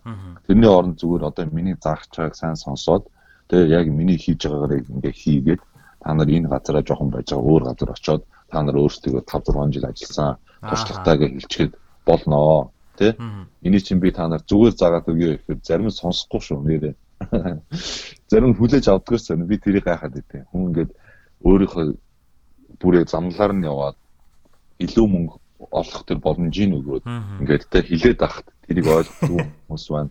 А ойлгоод явсан хүмүүс байна. Ойлгоод авснууд оо тийм үү баярлаа гэд яг миний хэлснээр заалгаад тэр газараа байх юм бол угаасаа утахгүй шүү дээ. Тэ тэр чинь мэдж байгаа юм чаа. Өөр газар очоод би тэдэн жил ажилласан гэд нөгөө сурсан аргаараа суучаар хийчихэр чинь нөгөө газрууд нь яах вэ? Оо тийм байна. Энэ хүн үнэхээр мэддэм байна гээл илүү цалин өгдөг ч юм уу те. Тиймэрхүү аргаар тийм байдаг болохоор би ерөнхийдөө аль болох хүмүүс иргэн тойрныхоо хүмүүстэй туслаад мэддэг чадгаа хуваалцаад явдیں۔ Тэгээд тэгснээрээ бас тодорхой хэмжээгээр өөрөө эргээд хүмүүс надад бас тэ тусалдаг баг гэж бас боддог шүү дээ. Тий. Ер нь өгөөтэй аваатаа ер нь тэгээд хүн нэг зөв явуул тэ. Аа угаасаа цаанаасаа болдог гэсэн тийм одоо өөртөө хэтгэлтэй байдаг тий. За тэгэхээр та 2005 онд ирээд 2016 онд Монголдо буцсан гэдэг чинь ер нь 11 жил. За ер нь баг одоо монголчууд ярьдгаар нэг үе бас Америкт байцсан байгаа. Тэгэхээр та бас нэвтрүүлгийнхаа хэлжсэн. 16 онд Монгол руугаа буцахын тулд маш том шийдвэр гаргаж буцаж исэн гэд. Тэгэхээр бас нөгөөтэйгөр одоо хүмүүс наана үлдээ гэсэн мэдээж хэрэг мессежүүд өгч исэн гэж та хэлжсэн. Тэгэхээр зэрэг та яг ямар одоо зүйлүүдээс тийм ээ ямар шалтгаануудаас болж бүхэл бүтэн нэг үе Америкт амьдарчаад ер нь буцах хэрэгтэй байна гэж бодсон бэ? Шийдэл төрсэн бэ? Зүг зүг. Тэгэхээр тэр үед маань яг яг сүүлийн үед би тэр Сан Франциско хотод байсан. Тэгээд яг нөгөө миний өмнө хэлжсэн тэр надад хоёр компанийн захирал надад нэг ажлын байр олгоод байр санал болгоод тэгээ би яг зүгээр хайчаагүй л дээ би очиж уулзсан. Очиж ингээд уулзж үзсэн. Тэгээ ер нь бол боломж амар гоё санагдчихсан надад. Би өөр вау ийм компани надад ингээд ийм гоё санал болгоод ийм ажил өгч ийн гэдэг. Тэгээд би тухайн үед чинь яг нэг бол үлдэх юм бол би яг тэр компанид ажилд ороод би бүр ногоон карт аваад ингээд Америк иргэн болоод ингээд үлдэх байсан. Нэг тийм сонголт. Нөгөө сонголт маань биний хариуцлага гэсэн үүднээс би ч өөрөө айлын том. Хувийн хариуцлага гэсэн үүднээс би Монгол буцах шаардлагатай байсан л да. Ягаад тэгэхээр миний хоёр дүү одоо манай хоёр дүү хоёулаа Америк усад суралцъя гэд би сургуулаа олцсон заяа. Scholarship-ээ олцсон ийм гоё нөхцөлтэй болцсон багт нь визэнд орохоор өгдөггүй гэсэн өгдөггүй байсан юм. Виз нь өгдөггүй. Ягаад тэгэхээр танаа ах чинь тэнд байгаад байгаа юм байна. Аа ах чинь ирэхгүй бол бид та нарыг явуулж чадахгүй гэдэг. Тэр бол яг үнэн болсон явдал. Тэгээд би дүүнэрээ бодоод аа одоо хариуцлагатай амьдрья гэсэн одоо уриалга бас яваад байгаа шүү дээ. Хариуцлагатай аялье гэдээ бас тийм. А мэдээж тухайн үед бол би тэрийг мэдээгүй. Гэхдээ ерөнхийдөө надад энэ шийдвэрийг би Монгол руугаа буцаад аа одоо би явахтай Америкт ирээд би сурах юмас орчлаа. Анх ирсэн зорилгоо биелүүлчлээ. Одоо би үргэлжлүүлээд энд ажиллах уу эсвэл би буцах уу гэд тэр шийдвэр дээрээс би ерөөсө буцъя гэд буцъя гэсэн шийдвэрийг олоод тэгээ буцаж яасан. Аа тэгээд одоо буцснараа бол одоо одоо шууд хэлэхэд бол зөв сонголт хийсэн байгаа байхгүй ягаад тэгэхээр би хоёр дүүгээ сургууль руу нь явуулсан. Аа өөрөө дахиад визэнд ороод виза авцсан. Одоо би буцаад ирчих болж штэ тэ. Тэгэхээр ингээд хоёр зүйл маань ингээд бүх зүйл маань ингээд үйлчж байгаа байхгүй. Тэгэхээр тухайн үеийн тэр шийдвэр маань одоо ингээд эргээд харахад бас зөв шийдвэр хийжээ. Аа гэхдээ хичнээн би одоо энд ирсэн ч гэсэн аа ягаад Монголдо байхгүй юм бэ тийм. Тэр бол биш. Би зүгээр түр түр хугацаагаар ирсэн. Одоо би 3 7 өдрийн дараа Монгол руу буцаж байна. Тэгээд очоод маянда. Тэгэхээр надад ингээд яг таны яриг сонссон чинь юу бодогдчихэв гэхээр э, монгол хэлэнд ийм үг байд юм бэлээ. Алтан аргамжаа гэж. Тэгээ тэр нь болохоор алтан юу нэ? Алтан аргамжаа. Тэгээд дипломат хүмүүсийг ер нь төрийн алтан аргамжаа гэж хэлдэм байх л л дээ. Гэтэ надад энэ үгийн аягүй таалагдаад байдаг зүйл нь юу гэхээр нилээд одоо шатар тоглож байгаа юм шиг 2 3 нүүдлийн цаатахыг харж ер нь бол одоо үйлдэлээ гаргах тийм. Гэтэ та бол одоо ингээд одоо Америкийн элчин сайдын яам ингээд ах чинь байгаад байна гэдэг одоо энэ мессеж өгөхд бол та бол тэнд ерөөсө хууль бусаар одоо байгаад байгаа хэрэг биш шүү дээ тийм. Бүх юм хуулийнхаа дагуу ингээд байгаад байгаа. Тийм учраас тэр надад өөрөө маш тийм одоо та бас ингээд хэдий нэг үе Америкийн одоо нэг үе гэж хэлэхээр хугацаанд Америкт байсан ч гэсэндээ маш их хариуцлагатай байсаар ирсэн байна л да. Тэгэхээр та 16 онд одоо Монголд буцчаад бас яг одоо адилхан хариуцлагыг би бас мэдэрсэн гэж бодож байна. Ягаад тэгэхээр за бүхэл бүтэн одоо 11 жил би Америкт байсан юм чинь бас эргээгээд одоо эх орондоо хийж бүтээх одоо буцааж өгөх гэж хэлдэг те. Тэгэхээр тийм одоо шаардлага хариуцлагыг мэдэрсэн баг. Тэгэхээр та тэр хариуцлагыг мэдэрснийхаа хүрээнд Монголдо очиод бас одоо ямар зүйлүүд нь хийсэн бэ? Нь юу хийж байгаа вэ? Зөв зөв тэр зүйл дээр э, үнэхээр одоо тийм түр тухайн шийдвэр дээр бол одоо хийсэн шийдвэртэй би өөрөө баярлагдав. Тэгээд э, Монголд очиод би 16 онд очиод 2017 оны 2 сараас хаа 3 сараас эхэлж би Yokogawa гэдэг Японы нэг тийм компани төсөл хэрэгжижсэн байхгүй юу? Цэцгэлгээ станц дээр. За тэр төсөл дээр ороод би сая 3 жил ажиллаад тусглаа. Энэ төсөл маань болохоор өөрөө дөрөвдүгээр цэцгэлгээ станцын одоо удирдах удирдах системийг одоо шинжилсэн, шинжилээд мөн ялгаагүй доторх том төхөөрөмж гэдэг тийм шинжилгээ том асар том төсөл болсон. Аа тэгээд энэ төсөл дээр энийг одоо хэрэгжүүлснээрээ болохоор Монгол улс улсын маань одоо цахилгааны төлбөр болон одоо цахилгаан хэрэглэлт маань маш одоо efficient болж байгаа юм. Одоо илүү илүү одоо хэмнэлттэй те. За тийм болж байгаамаа. Тэр болохоор миний хийсэн зүйл нь ажил байгаа. Аа давхар бас би өөрөө Repat Leaders Club гэдэг клубд одоо хувьд орж исэн. Тэгээд энэ яадаг клуб юм гэхээр одоо гадаад төгс төгсөгчдийн клуб баггүй юу. Гадаад төгсөөд буцаад Монголдо ирсэн байгаа залуучууд маань энэ клуб байгуулад тэгээд би тэрэнд нь орж исэн. Энэ клубын үйл ажиллагаа маань ихээр ерөнхийдөө өсвөр үеийн одоо 10 жилийн болон их сургуулийн нэг 2 дугаар курст байгаа. Оюутан залуучдад бид нар өөрсдийн сурсан мэдснээ хуваалцаад хуваалцдаг ерөнхийдөө тэр хүүхдүүдэд бид нэр одоо гадагшаа сурах гэж байгаа бол юу хийх ёстой те өөрсдийн чадах одоо тэр одоо шин би Америкээс ирсэн манай өөр клубын гишүүн маань Японоос ирсэн бол ингээд өөр өөрсдөө улсынхаа сургуулийнхаа одоо тэр бүх мэдээллүүдийг ерөнхийдөө хуваалцдаг гэж хэлж болно. Тий, тийм үйлдэл ажиллагаа явуулдаг. Мөн ялгаагүй бид нэр 7 хоног болгон 3 дахь өдөр өдрийн цай хамт уудаг. Мөн сардаа өнө 2 сардаа бид нэр бас career networking гэдэг үйл ажиллагаа зохион байгуулдаг Тэгээд энэ бүгдээс олсон бүх мөнгөө бид нэр цуглуулж агаад 9 сард scholarship зарлаад тэгээд бас чадхаараа аль болох илүү их мөнгө олоод аль болох илүү хүүхдүүдэд өгөхийг боддог байхгүй. Тэгэхээр бид нэг 3-аас 4 хүүхдэд ерөнхийдөө нэг саяас 2 сая төгрөгийн тус бүрийн тийм scholarship бас хөндөөлт юм аа. Тийм үйл ажиллагаа бас явуулдаг тийм. Тэгээ яг зүгээр ингээд би үнэхээр ингээд энд ирээд ийм гоё тэгээ мэдлэгийг амьдралыг үзсэд ирсэн одоо Монголдо очиод бас чадах хэмжээгээр өөрийн хэмжээнд бас юм зүйл хийгээл явж байгаа. Анх Батаахтай танилцахад би Батаахыг ажигласан бас нэг өөр зүйл нь юу гэхээр нилээн тийм одоо хобби ихтэй хүн юм шиг санагдсан л да. Та яг тэр үедээ одоо тухайн үеийн л одоо одоогийн хүүхдүүдийн тоглоом бол дрон болцсон байлээ. А гэтээ яг одоо 15 онд бол хамгийн кул тоглоом бол юу байсан дээ GoPro. Тэгээд та яг айгаа гоё GoPro-тай тэгэл ингээд ер нь таны ингээд хараад хараад хад маш олон талт сонирхолтой хоббитэй хүн санагдчихсэн. Тэгэхээр ер нь таны одоо одоогийн байдлаар хамгийн сонирхолтой хобби юу вэ? Ер нь бол одоо би ер нь одоогийнхоо үеийн хүүхдүүдтэй л адилхан хоббид ороод ах шиг байна. Бас дронтой болсон аа. Гэхдээ инээдтэй наа би сая дрон алдцоо дронтой байсан. Тий тэгээд ерөнхийдөө өөрөө би нэг зураг авах, бичлэг хийх тийм бас их сонирхолтой. Аа тэгээд давхар аялах сонирхол. Тэгээд нэрээ хэлснээс одоо нөгөө юугаа хэлье гэж бодлоо. Аа тэрийг сонирхлынхоо дагуу одоо тэр сонирхлын хувьд бол одоо баг мөрөөдөл гэж хэлж болохоор нэг тийм зүйл одоо хойд тулд тэр нохоо хүмүүсэн нохоотой чаргаараа явдаг аялал болж байгаа. Тэгээд тэрэнд би одоо ингээ 3 дахь жилдээ өрсөлдөж байгаа. Тэгээд тэр маань санал асуулгаар явагддаг. Тэгээд ерөнхийдөө хоёр хоёр хүний бүс болгоноос хоёр хүнийг сонгодог байгаа л да. Тэгээд аа мэдээж Монг би өөрөө Монголоос өрсөлдөж байгаа учраас дэлхий гэсэн бүстэй байгаа. Дэлхийгээс болоод одоо энэтхэг улсын нэг хүн болоод маш их санал авцсан. Тэрийг бол одоо дийлэхэд бол бас хэцүү байгаа.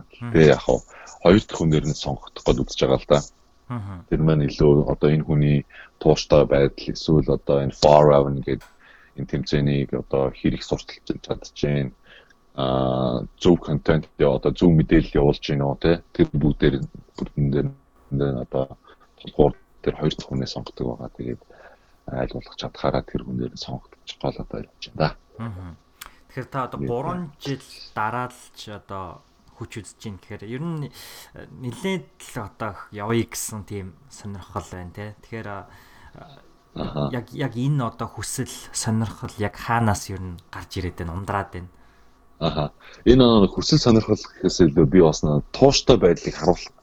Тууштай л үзчих гээд байгаа байхгүй. Ягаад гэхээр нэг хичнээн энэ миний энэ ийм том сонирхол те энэ агуу гоё аялалд ингээд тэмцээнд явах гээд байна вэ гэдэг маань мэдээд сонирхолтой бол хамгааш хамаатай. Хоёрдугаарт би одоо 2016 он анх орж ирсэн. 17 биш 17 18 а биш 16 юм байна. 16 17 тэгээ 19 он баггүй. Энэ гурав өрсөлдөж. Тэгээд энэ ягаад би ингээд гуравтгаа дахиад ороод байна вэ гэхээр би бас уул нь чадах хэмжээгээрээ би нэг одоогийн Монголын залуучуудад одоо өсвөр үеийн залуучууд үүдийн хүмүүст бити буулж өгөөсөө гэсэн нэг тийм мессежийг бас харуулах гэдэг байгаа байхгүй юу. Ягаад тэгэхээр нэг хүн биэнд ороод тэгээ чи амар их юм болт юм. Бүр өдөр шөнөгүй юм болно. Утгагүй нөгөө саналаа явуулах гал хүн амтнаас гуугаад өөш намайг ороод ишээ инженер ороод хэмжээж өгөөч те. Тэгээд нөө өрсөл өрсөлдөж байгаа хүмүүсийнхаа дээр гарах гал эн чинь бүр өдөр шөнөгүй юм болдог байхгүй сарын хугацаатаа. Тэгээд тийм их юм болж болчоод ялагдчихтэй. Эхний жилдээ ялагдчихлаа. За тэгүн гочин сэтгэл санаагаар ондээ ёо өстой нэрээ. Бөө юм болж байгаа ингээд чадсангүй гэл. За хоёр дахь жилдээ би дахиад үзлээ. За дахь жилдээ эн чинь ингэж зүгээр хүссэн болгоноор ингээд ороод идэг бас зүйл биш юм байгаа юм л да. Амын гол нь бас хамт өрсөлдөж байгаа хүмүүсийгээ бодох хэрэгтэй. Би чадахгүй бол магадгүй өөр нэг монголын чаддаг л дээ тий. Би бас тэгж бас бодоод байгаа. Гэхдээ яг энэ жил гурав дахь удаага орсон шалтгаан маань ихээр мэдээж Яс нөө Монгол хүн 3 удаа гэдэг тоо би өөрөө 3-ын тоо дуртай. Тэгээд за 3 дахь ерөөсөө би аливаа дахиад нэг хүчөө үзээд тахыг гэж бодоод өөр ялангуяа өөр Монголоос орж байгаа хүн байгаагүй байхгүй юу.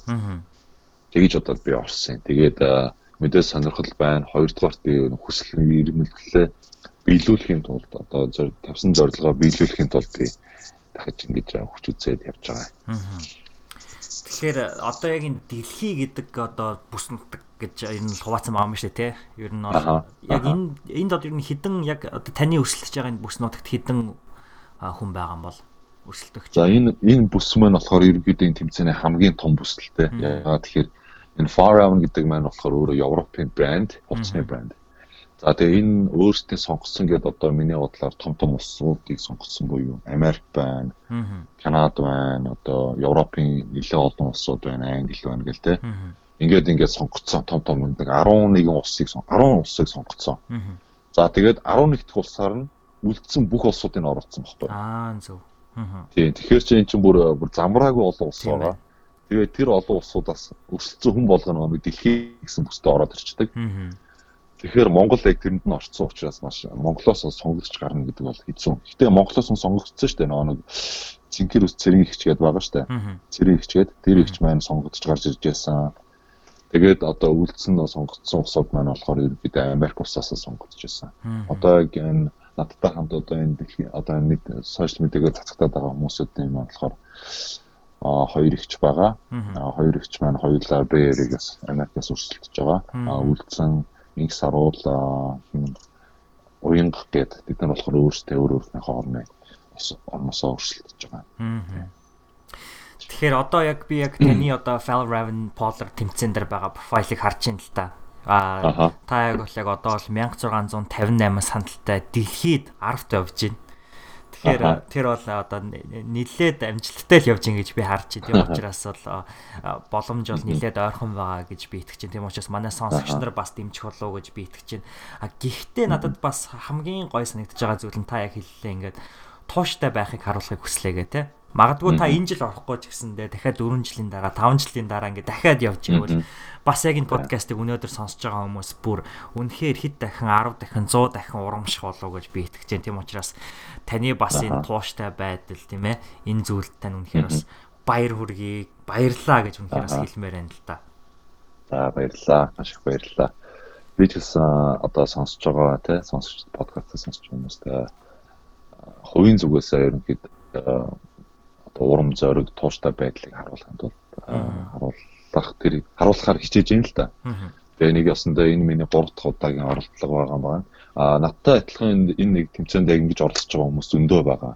4 дахь 5 дахь жилдээ оролцоод одоо энэ энэтхэхээс гарцсан байгаа надтай нэг адилхан бүсийн энэтхэг залуу болохоор юм би сонссон л да өөр хүнээс. Энэ хүний 4 дахь удаагийн гинэ Энэ хүн бүр дөрөвт дөрөвт жилдээ одоо ингээд бэлдэж жагаад орж байгаа. Амар хүчтэй орж ирж байгаа. Одоо баг 60-аад мянган санал авцсан хүн байгаа. А энийг би бол дийлнэ гэдэг бол мэдээж дийлхийн төлөө явна штэ.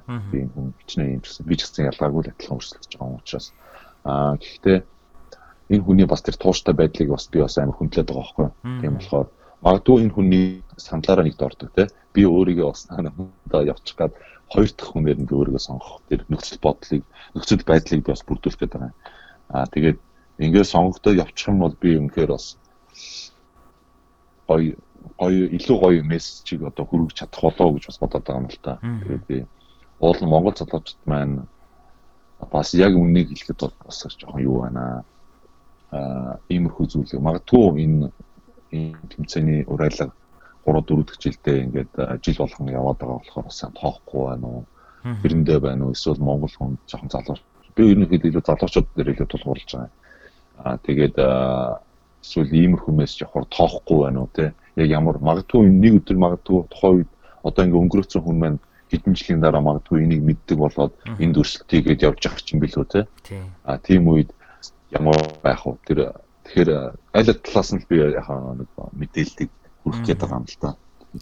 Тэгэхээр энэ бол одоо ингээд жишээ та ингээд одоо ингээд бид нар ингээд бүгдөө тань санал өгөө тэгээ та ингээд хожоод ингээд явчихаар та бол нэг сайхан аялах гэж нэг тийм жаргалын газар руу л ахaltaа ягаад тэгэхээр эн чинь одоо туйл шүү дээ тэ. Тэгээд эсэргээрээ ямар карибро оч далайдаар аврах гэж байгаа ш. Тэгэхээр бол нэлээд их одоо бэлтгэл ялангуяа сэтгэлийн хатуу жил тийм ээ. Аа ийм зүйлүүд шаардах бах. Аа тэгэхээр та ер нь одоо энэ одоо даваасаа ер нь өөрийгөө хэрхэн бэлдэж байна? Ер нь өөрийгөө хэрхэн бэлэн болсон гэж бодож байна? Зөө зөө. Би ерөнхийдөө эн чинь бол тийм амар зүйл биш ээ. Эн чинь хойд туулын тэ тэр Скандинавын хоогор гэд буюу онгон зэрлэг байгальд одоо ийм цастаа маш хүүтэн газраар аа 5 хоног одоо ингээд нохон чарга дээр өдөржингөө зогсоод явна штэ. Чи тийм амар зүйл биш. Тэгээд тэр тэр явах үеэрээ тэ нохоогоо хоолно, өөрсдөө хоолно унтах газраа бэлтгэхийн тулд тэр чин цас мүс ингээд юу гэдэг бүгдийг нь ухаж агаад майхангаа барина. Тэгээд тийм чин тэсвэр хажууд хатуужлыг бол амар гаргадаг зүйл байгаа. Тийм чин зүгээр хүссэн болгоно бас явж яваад чадахгүй. Тэгэхээр тэрнийхээ тэрэнд явахын тулд бас бие хаагаа бэлдэх хэрэгтэй.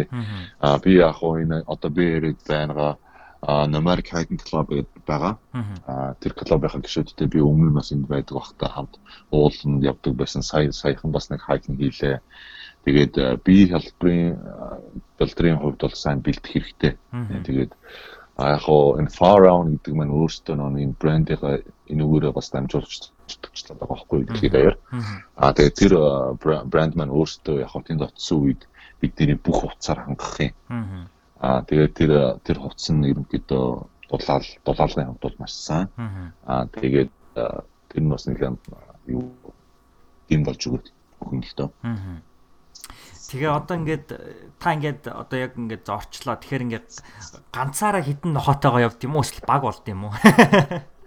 Аа энд чинь нийт 32 хүн явд юм билээ. Аа. Тэгээд 32-ын 4 4 багаар одоо би ганцаараа нэг чарган дээр Аа. А урдаа 4 өлөө 5 нохотой гэсэн. Тэгээд ганцаараа чарган дээрээ. Тэгээд а тэгүн гутаа намайг өөр нэг юм 3 хүнтэй нийлүүлээд 4 4-өрөө ингээ баг болгоод явуулт юм байлаа. Тэгээд хэрэв надаа ямар нэг юм болох юм бол те туслаараа ч гэдэг юм уу ойрол чарлаад юм бол нөгөө хитэн сонсоод зогсоод тэгээд нэг нэгэндээ тус юм болоод гяс одоо хэрэгтэй юу гэдэг юм нөгөө засаад ч юм уу тэгээд өөрсдөө аяллаа өргөжлүүлэх. Аа сонирхолтой юм аа. Надаа бас бүр сонирхолтой санагдаад байгаа зүйл нь за хүмүүстэй найзлах яг ингээ хэл яриагаар найзлах чинь тий. Тэр 4 5 нохотой бас ингээд найзлан би та нар ингээд одоо өдөртөө явах хүн чинь байна гэдгээ ингээд ойлгуулах ч гэдэг юм уу. Яг тэд нар нэлээд бэлтгэгдсэн нохоонууд л байдаг ах л та. Гэхдээ мэдээж хэрэг хүн нохооны харилцаа чинь бас нэг ондоо төвшөнд штэ. Тэгэхээр тэр илүү сонирхолтой санагдаж байна. Ер нь одоо тэрийг одоо ер нь яаж бэлддэг юм бол нохоо нартайгаа яаж танилцсан юм бол? Тий анх харин тийм байд гэсэн. Угаасаа яг яг тийм нөхцөл ордог гэсэн л дээ би нөгөө өмнө нь явж исэн хүмүүсээс сонсоход анх очиход тэр чинь бүр тэр чинь ганцхан 4 5 нохоо биш дээ тэр нөгөө бүх хүмүүсээ бүх хүмүүсийн нохоо чинь тэндээ байгаа шүү дээ. Ардзалсан болд нохоонууд. Тэгээд тэр дундаар хараад бар хадчих гээд байгаа юм шиг ингээл айд сандраал Тэгээд яг хоо эхний оцсон өдөр нь ерөнхийдөө тийм жоохон сургалт маяг юм явуулд юм байлаа. Аа. Тэгээд э, тэрэндээ суучаад тэгээд мэдээж баг багаар ойртоод тэгээд сүүлдээ бүр нохооноттойгоо бүр дунд нь ордын гисээ. Аа. Тэгээд э, тэр харилцааг бол харилцаа нь угаасаа тэр нэг тэр хэцүү байдлаар одоо тэр тэр өстө суур амсгалтаа тэр зүйлээр явхад угаасаа нохоогоо хоолно нохооч нь хоолж байгаа эзэндээ хайртай болно ч юм уу. Аа. Ер нь тэр харилцаа бол сайн үүсдэг юм шиг үлээ. Өөрөө яг сайн явж үзээгүй болохоор сайн мэдэхгүй нэгтэй ямар ч гэсэн тийм нөхцөл бол байдаг гэсэн. Аа. Сонирхолтой юм аа. Тэгээ би бас ингээ уншчихлаа энэ дэг одоо ингээ харахад э, 3500-аас 6000 калори нь өдөрт идэх хэрэгтэй болно гэж. Тэр бол бүр амар их хоол нь шүү дээ. Харин тий. Тий. Тэгэхээр бол адилхан нохоонууд ч гэсэн маш их хоолмол идэл ер нь э, үнэхээр л одоо одоо даваасаад ихтэл одоо санагдаж байна л да. Тэгэхээр бол одоо танд санал өгчхөөр нэг одоо танд баг таныг баг нилээл хэцүү юм руу явуулаад баг э, сайн зүйл Дэмий ч юм хийх гэж таасагчлаа гэдэг. Гөө гөө гөө. Юу гэж тэ чи одоо тэр зүйлийг давд давлгүй ах уу. Даваад тий. Даваад би бүр Монголоос үрсэж байгаа гэсэн утгаараа тий. Бүр Монгол улсынхаа би бүр далбааг барьж агаад Аа. аа югаар нь ороод бүр гоё нэрийг гаргая гэж бодоод байгаа. Давхар би ингээд яг энэ талаар би бас жоохон тодорхой хэмжээтэй юм нийтлэл маягийн бичсэн л дээ. Тэгээ ерөнхийдөө яг ингээд хоригдлуулаад хэлэхэд бол мэдээж энэ бол а, тэ хувийн ерөнхийдөө хүмүүс ч гэсэн өөрсдөөс асууж байсан л да. Энэ тэмцээн чинь тэгээд Монгол улсын нэрээ гаргана гаргана гэж ийм тэмцээн явах гээд байдаг. Яс өмнөр энэ чинь хувь хүний өөрийнх нь тийм хувийн аялал юм биш үү гэж хэлжсэн л да. Яг хоо тэр хүнийг би бас бас буруудахгүй. Аа. Гэхдээ энэ ерөнхийдөө энэ аялалд явснаар би эрэг талын дэс гаргаад байгаа байхгүй юу? Аа. эрэг тал дээр нь бол мэдээж аялал жуулчлалын салбарт Монголоо тодорхой хэмжээгээр сурталчилна. А мэдээж ингэж явснараа би бас чадах хэмжээгээр тэр тухайн тэр олон улсаас тэр мундаг шалгарч гарч ирсэн хүмүүстэй би найзлангаа тэр хүмүүст чинь би хэлэн штэ Монгол улс маань юм байт юм аа. Тэгээд тийм чадах хэмжээгээр сурталчилна. Аа. Хоёрдугаарт а хоёрдугаарт бас надад нэг ийм гоё санал орж ирсэн л дээ. А ерөнхийдөө одоо би энэ тэмцээнд чинь шалгахын тулд одоо тий ингээд маш олон зүйлийг чадхаараа хийж гин, сошиал медиагээ цацж гин, Монголд хөрх ингээд таньдаг мэддэг бүх найз аав эгчнэр маань эргэн тойрныхоо хүмүүстэйгээ ярилцаад ингээд санал авж гин. Тэгээ энэ бүгдийг бас нэг тодорхой хэмжээгээр харуулад нэг тийм хөөхөн нэг тийм баримтат кино хий гэсэн санал надад орж ирсэн. Тэр маань болохоор BBC-гээс орж ирсэн байхгүй юу бүр Америкийн. За. Тийм тэгээ BBC-д ажилладаг энэ журналист хүүхэн маань анх оюутан багтаа Аа. Монгод очиж исэн. Тэгээ Монгол очиход нь манад байгаад бүр ийм би тухайн үед нэг гээд Монгол орноо танилцуулаад явж исэн байхгүй.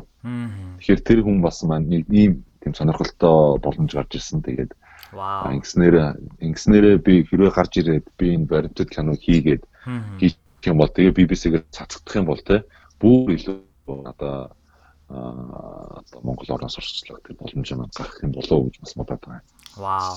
Тэгээд тэгээд тий бас нэг зүйл маань гэхээр би миний яг түрүүн хэлээд байсанчлаа ганц би энэ аялалд орсноороо одоо би энд орох гэж ингэж тэмүүлээд байгаа маань яг миний хувийн бас зүйл биш ээ. Мэдээж хувийн зүйл байгаа. Давхар би би ганцхан би ордог зүйл биш юм штэ. Та нар ч гэсэн орж болно штэ гэж би энэ одоо сонсож байгаа хүмүүстээ хэлмээр байгаа. Аа. Тэгээд та нар маань ч гэсэн ялгаагүй ингэж орж ирээд одоо хэрэг надаас яаж оролцох вэ гэж мэдээлэл амаар надад руу ханда- хандаараа тий. Би бүр дуртай бүр ингээд инг инг тэг гэд би хэлмээр байна. Тэгээд хин ч энэ энэ тэмцээнд орох боломжтой. Ямар ч хүн тэмцээнд орох боломжтой. Тэгээд тэр зүйлийг би бас гаргаад аа, Монгол оюутан залуучууд юу гэдэг та нар маань ч гэсэн магадгүй надаас тэлгүүр яг миний энэ мессежийг сонсч хүлээж аваад тэгээд тэмцээнд нь оролцох гэж оролцоод тэгээд олон саналаа аваад гүйцээд ингээд гарч ирээд төрүүлчих юм орчих юм бол би өөр- өөрөө явснаас илүү баярлах байх гэж бодож байна. Аа. Э, Тэр мессежийг бас гаргах гэдэг байна. Тэгэлгүй яах вэ? Надад үнэхээр гайхалтай санагдаж байна. Аа одоо л ингээд хэрэг батаах явах юм бол хүмүүс хараа тантай хамт өрсөлдөж байгаа хүмүүс дүү одоо хамт нэг баг болж байгаа хүмүүс эргэж ирэхэд ирэхэд ч гэсэндээ бататай хамт явсан биш бид нар Монголтай хамт явсан гэж ярина те. Тэгээд дэлхий ч гэсэн харж байхдаа Монгол явж гин гэж харна бата гэж л харахгүй. Гэхдээ мэдээж хэрэг хов хүний төвшөнд бол хов хүний өнцгөөс харахад бол өөрийгөө бас маш том хэмжээнд ер нь бол чаленжилж ийн л гэсэн үг шүү дээ те. Тэгэхээр бол үнэхээр маш одоо гайхалтай зүйл. За тэгээ дээрэс нь BBC-гийн үнэхээр баримт нэвтрүүлэг үүгээр хийх юм бол зөвхөн одоо энэ Val Raven гэдэг тэмцээний хүрээнд биш бүр дэлхийн хүрээнд бол Монголын нэр бол гарах боломжтой учраас би үнэхээр олон хүмүүс танд санал өгөөд таа ч гэсэн маш их хэмжээгээр хэмжигчээгээд ингээд энэ заавал ороосоо гэж үнэхээр хүсэж байна. Тэгээд танд дахин дахин амжилтыг хүсье. За баярлалаа. Ерөөл батаршгэ. За ингээд хоёулаа нэвтрүүлгийнхаа хамгийн сүүлийн хэсэг болох гал 8 асуулт руугаа оръё гэж бодож байна. Тэгээд гал 8 асуулт гэдэг нь болохоор энэ хүү Skeleton podcast-ыг Ями 8-ыг эхлүүлсэн одоо галыг нь тавьсан 8 асуулт байдаг. Тэгээд энэ асуултанд хоёулаа нэг өгүүлбэрээр юм уу, нэг үгээр ч юм уу, ер нь богино хугацаанд 1 минутын хугацаанд ч юм уу нэг асуултанд хариулаад явах юм байнамаа. За. За бэлэн үү? Бэлэн бэлэн. За. За танд энэ 7 хоногт ер нь сүүлийн үед тохиолдсон хамгийн талархмаар дурсамжтай үйл явдал юу вэ? Мэдээж одоо би таларх талархмаар байгаа зүйл маань бол мэдээж одоо намайг дэмжиж байгаа монголчуудад би үнэхээр талархмаар байна. Яагаад гэвэл тэр хүмүүс цаг заваа гаргаад те одоо миний тэр линкээр ороод уул нь бол нэг уддгүй бол уддгүй л да гэхдээ жоохон тийм complicated санагдсан. Тэгээд тэр линкээр ороод надад саналаа өгөөд Монгол улсаа дэлхийд гаргах тэг боломж боломжит маань одоо ойртуулж байгаа би маш ихээр талархмаар байна. За таны энэ 7 хоног ер нь сүүлийн үед уншсан ч юм уу сонссон тийм ээ үзсэн ямар нэгэн тийм сонирхолтой контент юу байсан бэ? Таны амьдралд үнсэн нэмсэн. За би энэ дээр бас нэг зүйл хэлж батсан. Сая энэ өнгөрсөн 7 хоногт нэг Сан Франциско хотч юу болсон шүү дээ. Salesforce Salesforce компани Dreamforce гэдэг конференс болсон. Энэ конференс дээр би бас мөн ялгаагүй энэ ажлаа хийж явж байгаад нэг хүнтэй танилцсан. Тэгээд би яг тухайн үед би ямар хүнийг мэдэхгүй дээ. Аа тэгээд энэ хүн маань аа Salesforce компанийн Австрали дахь vice president болж таарад. Аа за. Австрали улсын одоо Salesforce-ыг хариуцсан vice president болж таарад. Энэ хүнтэй би гоё энэ хүнээс авсан мэдээлэл маань хөр Аз руу төвлөрч ажиллах гэж байгаа гэсэн. Аа тэгээ Монголыг бас мэдчихэлээ, сонирхчихжээ. Тэгээд аа тэгэн гут чинь бүр надад бүр гоё ойр санагдаад те. Аа тэгээд холбоос үлжитэй болъё гэд бид хоёр нэрэн хуцаас солилцоод тэгээд ерөнхийдөө энэ бол одоо мэдээллийн хувьд гэх юм бол Salesforce компаниг та нар сонирхоод үзээрэй. Магадгүй ажлын байр зарлагдах баг шүү. Тийм болохоор та бүхэн жоохон сонирхоод үзээрэй гэж хэлмээр байна. Мм. Бүр та бүр нэлээд дотоод контентын мэдээлэл өгчлөө шүү дээ. Exclusive. Exclusive тийм болохоор би ч гэсэн өөрөө энэ хүнтэй өөрөө одоо удахгүй а имэйл бичлэгээ харилцаад эхэлнэ. Тэгээд магадгүй гойго саналууд орж ирэх юм бол тийм. Аа хамгийн түрүүнд энэ подкастаар дамжуул сонссон хүмүүс маань одоо над руу холбогдоод тэгээд боломжтой юу гэж асууж болно шүү гэж хэлмээр байна. За маш их баярлалаа. За таны ер нь амьдрал одоо сүүлийн үед ялангуяа санд ирчээд хамгийн их сэтгэлийн таашаал кайф авсан зүйл юу байсан бол? Сэтгэлийн тааш кайф авсан зүйл маань гэх юм бол аа м ерөнхийдөө юу л байна л да. Аа энд байгаа ирээд одоо өмнө нь найзалдаг байсан, уулздаг байсан найзуудтайгаа уулзаа сайхан байлаа. Мөн Америк Hiking Club-ийн гишүүдтэй би хамт уулан дээр те Олимпик маунтин руу хамт сая авирлаа.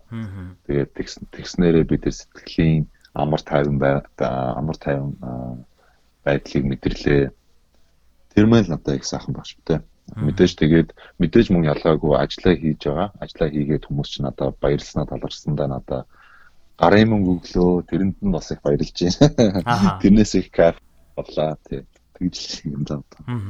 Гэтэ сонирхолтой та ингээд яг ингээд Монголд байжгаад ирээд өө нэрэ Америк чинь гарын мөнгө өгдөг газар штэ гэдгийг сансан болохоор бас сонирхолтойсах тий. Аа. Тийм одоо тухайн нийгмийнх нь онцлог юм уу да. Харин тийм да. За та ер нь амьдралдаа сүүлийн үед бий болох гээд оролдож байгаа юм онцлог дадал зуршилтыг рутин юу аа? Рутин уу?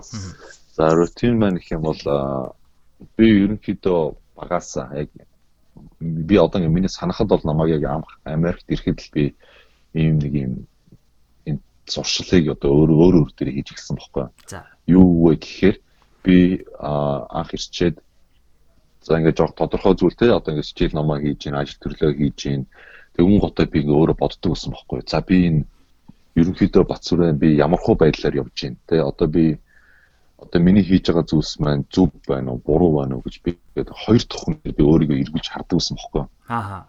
Тэр тэр зүйлийг би баг багтаа илүү хийдэг байсан. Аа тэгснээрээ бас өөрийгөө шүүмжлэн те засах зүйл байвал засна өөрийгөө буруу хийж байгаа зүйл юм байвал тэрийг бас тодорхой хэмжээгээр хардаг байсан. А сүүлийн хэдэн жилүүдэд бол би тэрийг жоохон мартагдсан. Тэрийг бол хийхэ болсон байлээ. Өөрөө мэдэхгүйгээр. Тийм болохоор тэрийг би бас яг тодорхой сүүлийн үед илүү сонирхоод одоо санаад те. Тэрийг илүү туршил болгомоор байна. Тэгснээрээ хүн тэгж байхгүй бол одоо жишээ нь би яг мэдээж ээж аа одоо ингээд хүний үг сонсох дуртай сонсдог. Гэхдээ одоо би өөрөө 31 хүрчээд хүнээр ингээд бас юм хэлэлээд байна гэдэг чинь бас хэцүү шттэ. Хэр баргийн хүн ч гэсэн баг хэлэхгүй те. А тийм болохоор тэн дээр ганц хийх зүйл маань би өөрөө өөрийгөө л шүмжлэнэ. Тийм болохоор би өөрөө өөрийгөө шүмжлэх, байнга шүмжлэж явах хэрэгтэй. Одоо шүмжлэх биш юм аа гэхэд өөрөө өөрийгөө ингэж хоёр дахь хүнээр хараад аа тэгээд хийж байгаа зүйлсээ хянан зөв буруу юу те тийм зуршлыг би өөрийнхөө амьдралд ерөнхийдөө байг байлгахыг бол хүсэж байгаа. Аа тэгээд тэрний тэрнийхээ дагуу одоо ерөнхийдөө явж байгаа. Тэгэхээр энийг жоохон дэлгэрэнгүй ороо ярихад яг одоо яг яадаг гэсэн үг та ингэ толин тараад өөрийгөө өөртөө ярьдаг уу? Ер нь яг арга зам нь юу бол? Толинд яг мэдээж толин тарж ярьдаг хүмүүс байгаа те. Гэхдээ толин тар би бол толин тардаг л те зүгээр яг өөрөө ерөнхийдөө нэг зав нэг завтай үедээ одоо жишээ нь би Тэгээ завтай үедээ ингээд хараад за одоо ерөнхийдөө миний хийж байгаа зүйлс маань юу байна? Өөрийнхөө одоо би зоригтой явж хийж байгаа юм аа. Тэгээ зоригтой хийж гинүү. Би одоо ямар зоригтой явж байгаа вэ? Тэр тэр бүхнийг л ерөнхийдөө бодож байна л одоо би одоо магадгүй би удахгүй нэрээ хүүхдтэй болгож байгаа. Тэгээд за баярлалаа. Баярлалаа. Тэгээд а юу хариуцлага гэдэг зүйл маань бүр илүү чангарна. Тийм болохоор хариуцлагатай байхын тулд би илүү зоригтой хичээнгүүд тэр бүх зүйлийг би хянаж байх ёстой. Тэгэхгүй бол тэр бүгд чинь тодорхой хэмжээгээр мартагддаг. Тийм болохоор тэрийг илүү одоо эргэж харж юм хажуугаас нь харж ерөнхийдөө одоо яг магадгүй энэтэй сонсож магадгүй л дээ. Гэхдээ би яг өөрийнхөө хувьд гэдэг байхгүй одоо ингээд толгоон дотроо төсөөлнө шүү дээ. Ерөнхийдөө ингээд өөрийгөө хоёр болгоод тэгэл нэг нь болохоор одоо юу хийж байгаагаа ерөнхийдөө хяндаг ч юм уу тиймгүй хардаг байдлаар. Тэгж л өөрийгөө өөрийгөө дотроосоо илүү одоо аа дэвшүүлэгч биш аа өөрийгөө develop хийдэг. Аа хөгжүүлдэг гэх юм уу те? Тэгж л нэг тиймэрхүү зүйлийг л зуршил болгож тэрийг өөрчлөж хийх зам аа Тэгэлгүй би яг адилхан жишээнүүдийг бол нэлээд олон газруудаас бас уншиж сонсч ирсэн. Хүмүүс нөгөө alter ego гэж нэрлэдэг штэ тий арай нэг ондоо одоо бата гаргаж ирээ те арай одоо юу гэх чи арай шүмжлэлтэй ч юм уу эсвэл арай нухуур ч юм уу те. Тэгээ нөгөөх нь одоо өөрийгөө загнадаг ч юм уу эсвэл эсрэгээрээ илүү дээр нэгэн байх гэж өөрийгөө түлхдэг ч юм уу. Тэгэхээр бол надад маш сонирхолтой санагдлаа. Тэгээ үнийгээ хуваалцсан маш их байлаа За. Таны амьдралд ер нь сүүлийн үед хэн хамгийн их нөлөөг хэрхэн үзүүлсэн бол? Аа сүүлийн үед гэх юм бол мэдээж их нэрмэр маань. Аа сууд бүсгүй мэн байна. Аа сууд байгаа би нийлснээс хойш бас амьдралыг бас нэлээд өөрөөр харж эхэлсэн. Аа тэгээд өөр зориг маань ч гэсэн илүү өөр тодор илүү болоод мөн тодорхой болж эхэлсэн. Аа тэрнийхээ төлөө би одоо ингээд хичээн хичээнгүүлэн ажиллаад одоо тэ төлөвлөгөөгөө гаргах бол гаргаад бид тэр хоорондоо бас хамтарч яриад тэгээд явж байна да. Тэгээд тэр хүн маань надад илүү аа нөлөөлсөн. Би таныг подкастын дундуур сүд бүсгүүтэй болсон гэдгийг сонсоод а, мдээгүй байсан. Тэгээд бас баяр хүргэхийг хүссэн тийм учраас яг энэ ташрамдаас би ууланд танаас яг асуух чээс ахгүй энэ асуултыг. За ер нь л сүд бүсгүүн байгаах яаж нөлөөж байгаа бол гэ асууч тийм үү лөө гэснэ. За зөв үндсэн асуултаараа л явъя гэдэг. Гэтэ та яг миний тархийг уншсан юм шиг л яг хэллээ. Тэгэхээр би бас зүгээр энэ ташрамд зөв сүд бүсгүүгээ товчхон бас бидэрт танилцуулаач гэж өгсмээр байна л да. Аха. Асууд бүсгүүн маань юу л да. Ус мөн Америкт багтаа ирээд суралцсан. Суралцаад тэгээд олон бас бизнесийн мэрэгчлэр төгсөөд тэгээд Монголд одоогоор ажиллаж байгаа.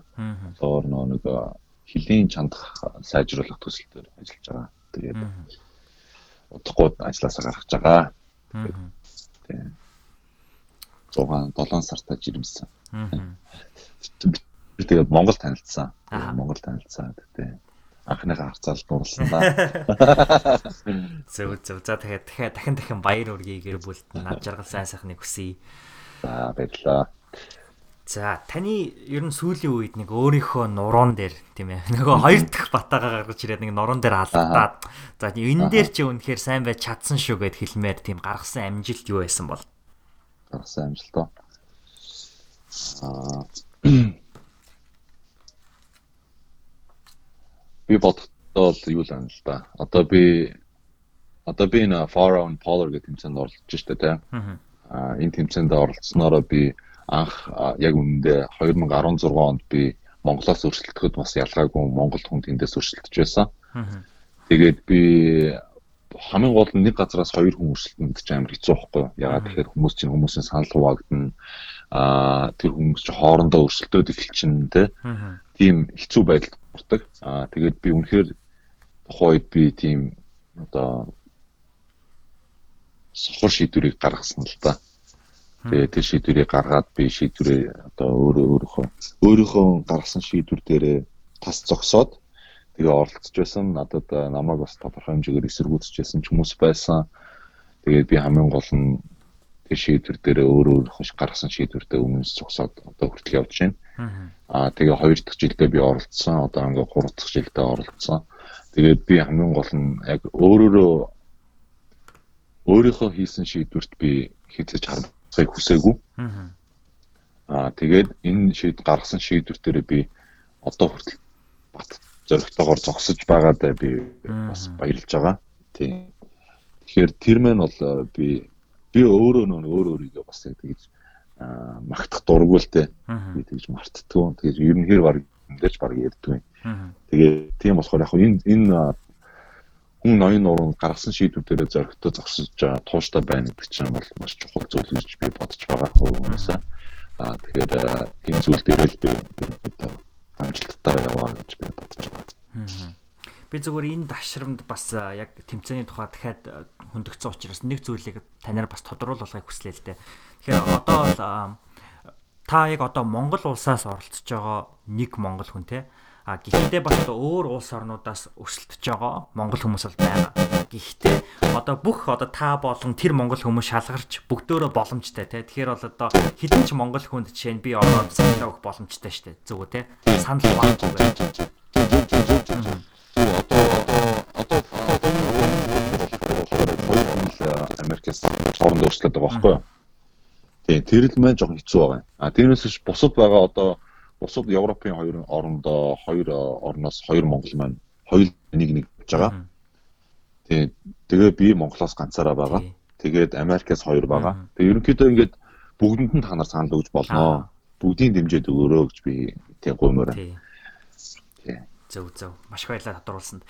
Зүгээр зүгээр. За 7 дахь асуулт маань. А та ер нь одоо сүүлийн үед за ялангуяа одоо Сан Францискод ирчээд ерөөсөө цоо шинээр ухаарсан юм сургамж ойлгосон ухаарал юу байсан бол? Цоо шинээр ухаарсан ухаарлаа. Цоо шинээр ухаарсан ухаарлах юм бол би яг тэр нэг Salesforce-ийн тэр нэг vice president би ингээд ярьжсэн байхгүй. Тэр хүн надад би өөрөө өөрийнхөө одоо юу хийх гэж байгаа талаар одоо плана ерөнхийдөө бага хэмжээгээр ярьсан. Одоо Монголд очиод би юу хийх гэж байгаа ингээд стартап байгуулах гэдэг байна те. Би тэгж ярьсан байхгүй яг уусаа тэгж байгаа төлөвлөж байгаа. Аа тэгсэн чинь тэр хүн маань надаа аа хэлсэн сургамж маань ихээр хизэж бити бууж өгөрөө. Чи мэдээж старtup хийж байгаа бол мэдээж хамгийн хэцүү одоо тэр нөхцөл байдлуудад тулгарнаа. Чи мөнгө алдах ч болно янз бүрийн зүйлүүд мэдээж нэг хилүүл дуусахгүй шүү дээ. Мэдээж маш их олон зүйл гарч ирнэ. Яагаад гэвэл би яг чам шиг ингэж явж ирсэн юм аа. Би яг чиний насан дээр би яг чиний насан дээр ингээд аа одоо өөрийнхөө хувийн компанийг байгуулах гэдэг ингээд явж байсан. А тэгэхээр тухайн үед бол надад амар хэцүү зүйл зөндөө гарч ирсэн. Тэр дундаас миний ганцхан хийхээ а хий одоо хийхээ болоогүй зүйл маань юм бол би одоо гэж үргэлжлүүлж явахаа зогсоогоогүй буюу I didn't бууж өгөөгүй янз бүрийн юмор оролцсон гэж байгаа байхгүй. Гэхдээ би хизээж бууж өгөөгүй. Бууж өгөөгүй нэгт би зөв keep trying байсан те. Тэр тийм байсныхаа одоо үндсэн дээр одоо би ингээ хоёр компанитай тэгээ нэгийг би одоо ингээд евро а ямар компанид зарж байна те. Хоёр дахь одоо өөрчлөлт ажиллаж явж байна. Тийм болохоор би чамайг хийх гэж байгаа яг тэр өөрийнхөө үеийн одоо хамгийн алтан сургамж гэх юм бол хизэж битээ бууж өгөөрөө л гэж надад амар сайн загсан. Тэгээ тэрийг маань би өөрөө бас яагаад тэгэхээр өөрөө нэгдүгürt үзег байгаа тий. Аа мэдээж тодорхой зүйлээр үзсэн. Гэхдээ яг юм том стартапыг би байгуулахын тулд аа үзег байгаа учраас би яг тэрийг мэдээгүй. Тэгэхээр би яг тэр тэр хүний хэлсэнчлэн тэр мессежийг дотроо бодно шүү дээ. А бас мэдээж өөр өөрийнхөө үзэл бодолтой хамааруулна. Тэгээд үнэхээр нөхцөл боломж нь юу вэ? Гэхдээ л all try my best буюу тий. Аа өөрийнхөө хэмжээнд хичээнэ. Чаднаа буужхгүй байхыг хичээнэ. Тэгэхээр тэр маань маш том сургамж болсон. Та одоо ингээ удан удахгүй аав болно те. Тэгээд хүүхдээ ч үлгийдэж аавна, компаниа ч үлгийдэж аавна. Тэгээд бас одоо ингээд одоо евро явчих юм бол полерлоо явчих юм бол маш олон зүйл давхцсан нилээн бас одоо сэтгэлийн хат яасан шаардсан цаг үе ер нь ирэх гээд ах шиг байна да. Тий харин тий. Тэгэхээр яг түрүүнийхтэй л адилхан та нилээн одоо бас холыг харддаг хүний хувьд бол би үнэхээр танд итгэж байна. Тийм учраас танд бас дахин дахин амжилт хүсье хүсэж байна. За ингээд нэвтрүүлгийн маань одоо хамгийн сүүлчийн одоо 8 дугаар асуултыг ер нь бол одоо орон зай гэж нэрлэдэг. Тэгээд энэ болохоор зөвхөн таны хүссэн зүйлээ хуваалцах боломж а бид нэр өдрүүд нийлж 7 хоногийг бүтээж 7 хоногуд нийлж сар тэгээ сарууд нь жил тэгээ жилүүд нь амьдралыг бүтээдэг. Тэгэхээр бол хүнд одоо чухал биш өдөр чухал биш 7 хоног гэж юусаа байхгүй те. Тэгэхээр яг энэ цаг мөчид та ер нь энэ сонсогч сонсогч бидэнтэй хаваалцах ийм орон зайг танд одоо өгч байна. За за. За маш их баярлалаа. Мэдээж юуны төрөнд те энэ нөхцөл одоо намайг энэ подкастт оруулаад энэ гайхалтай мессежийг та бүхэнтэй хуваалцаад та нараасаа сонсоод энэ гоё боломжийг өгсөн чамд болон сонсогч бүхэндээ баярлалаа. Байна. Аа тэгээд хоёрдугаарт мэдээж би одоо хөдий зэрэгтэй яваа яваада баярлаа те ээж аавдаа маш их баярламаар. Баярлсан талархнаа талархснаа илэрхийлмээр байна. Мөн одоо миний хань амжилттай бас баярлсан талархнаа хэлмээр байна. Хайртай шүү гэж хэлмээр байна. Мөн одоо намайг 11 жил Америкт амьдраад одоо хүртэл надтай найз нөхөд ах ах дүүнэр болоод ах эгч нар болоод миний намайг дэмжиж явж байгаа ах эгч нартай би бас маш их баяр саналхнаа хэлмээр байна. Тэгээд та нар мань мэд угаасаа сонсоод мэдэх баха. Тий, тий. Надад тийм ах эгч нар маш зөндөө байдаг. Тэгээд тэндээ би маш их баярлалтай юм аа. За тэгээд мэдээж ажил төрлийн хамаатан ажил төрлийн одоо хамтран ажиллагч хамтарч нар маань байна. Бид нар байна бас намайг их маш их дэмждэг. Тэгээд ер нь ингээд хэрэгэд харахад бол хүн зөв замаар зохистой тий явах юм бол тэр хүнд маань тэр байдал маань буцаад ирэхэл хэрэгтэй. Тэгээд тийм байдаг учраас бас би монголчуудаа болон одоо өсвөр үеийн залуучуудтайгаа би бас илүү их одоо илүү зөв сайхан руу илүү тэмүүлээсэй л гэж би уриалмаар байна да. Ягаад гэвэл одоо Монголд ч бас хэцүү шттэ тий. Одоо арх тамхи баг хэрэглээрээ тэр зүйлийг одоо болж игэл хайх хэрэгтэй. Тэр зүйл маань бол одоогийн нийгмийн залуучуудыг маш ихээр дордуулж байна, бууруулж байна. Тэр маань амьдралд нь нөлөөлж байна. Гэр бүлээс салалт их байна. Тэр зүйлүүдийг л одоо багасгахын төлөө байх хэрэгтэй. Тийм учраас хүн аа бусдыгаа харах биш өөр өөрөөсөө эхлэх юм бол илүү үр дүнтэй. Тэгээд өөр өөрөөсөө илүү өөр өөртөө илүү зориг тавиад мөрөөдлөө бай мөрөөдөлтөө байх хэрэгтэй. Мөрөөдлөхөө төлөө тэмүүлдэг байх хэрэгтэй. Тэр нөхцөлүүдийг тодорхой хэмжээгээр багахан ч гэсэн өөрсдөө дотроо бодоод миний төрүүчтэй хэлсэнчлээ те хоёр дахь хүн болооч гэдэг юм уу тийм тиймэрхүү зүйлийг өөрсдөө нэг эргээд хараад үзээрэй.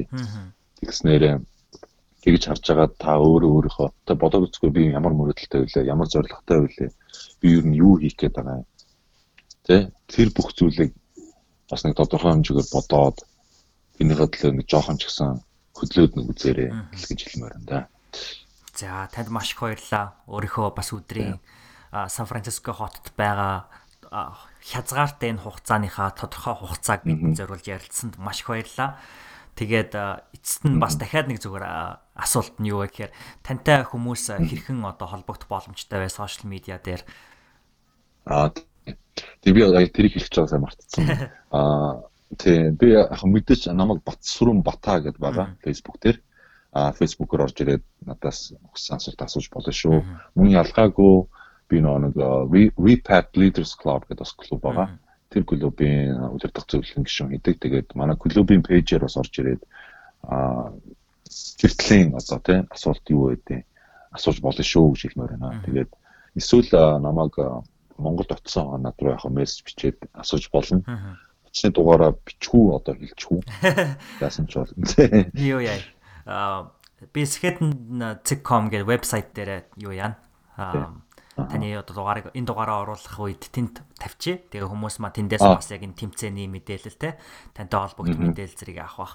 Тэгээ би бас хүмүүсийг ер нь тантай зөндө холбогдоосоо гэж хүсээд байна л да. Ягаад гэхээр Батаах бол одоо залуу хүн те. Тэгэхээр тэгэхээр зэрэг бид нар ингээд ер нь одоо ментор буюу одоо монголоор ер нь баг менторыг чинь номын багш гэдэг юм уу тэгж хэлмээр юм байлээ. Тэгэхээр бол а та та бол үнэхээр одоо тийм номын багш байж чадхаар олон залуучуудыг менторлж чадхаар хүн гэж би болоо боддог. Бууртай, сууртай үнэхээр тийм хүн учраас тийм учраас би тантай маш олон хүмүүс холбогдоосай.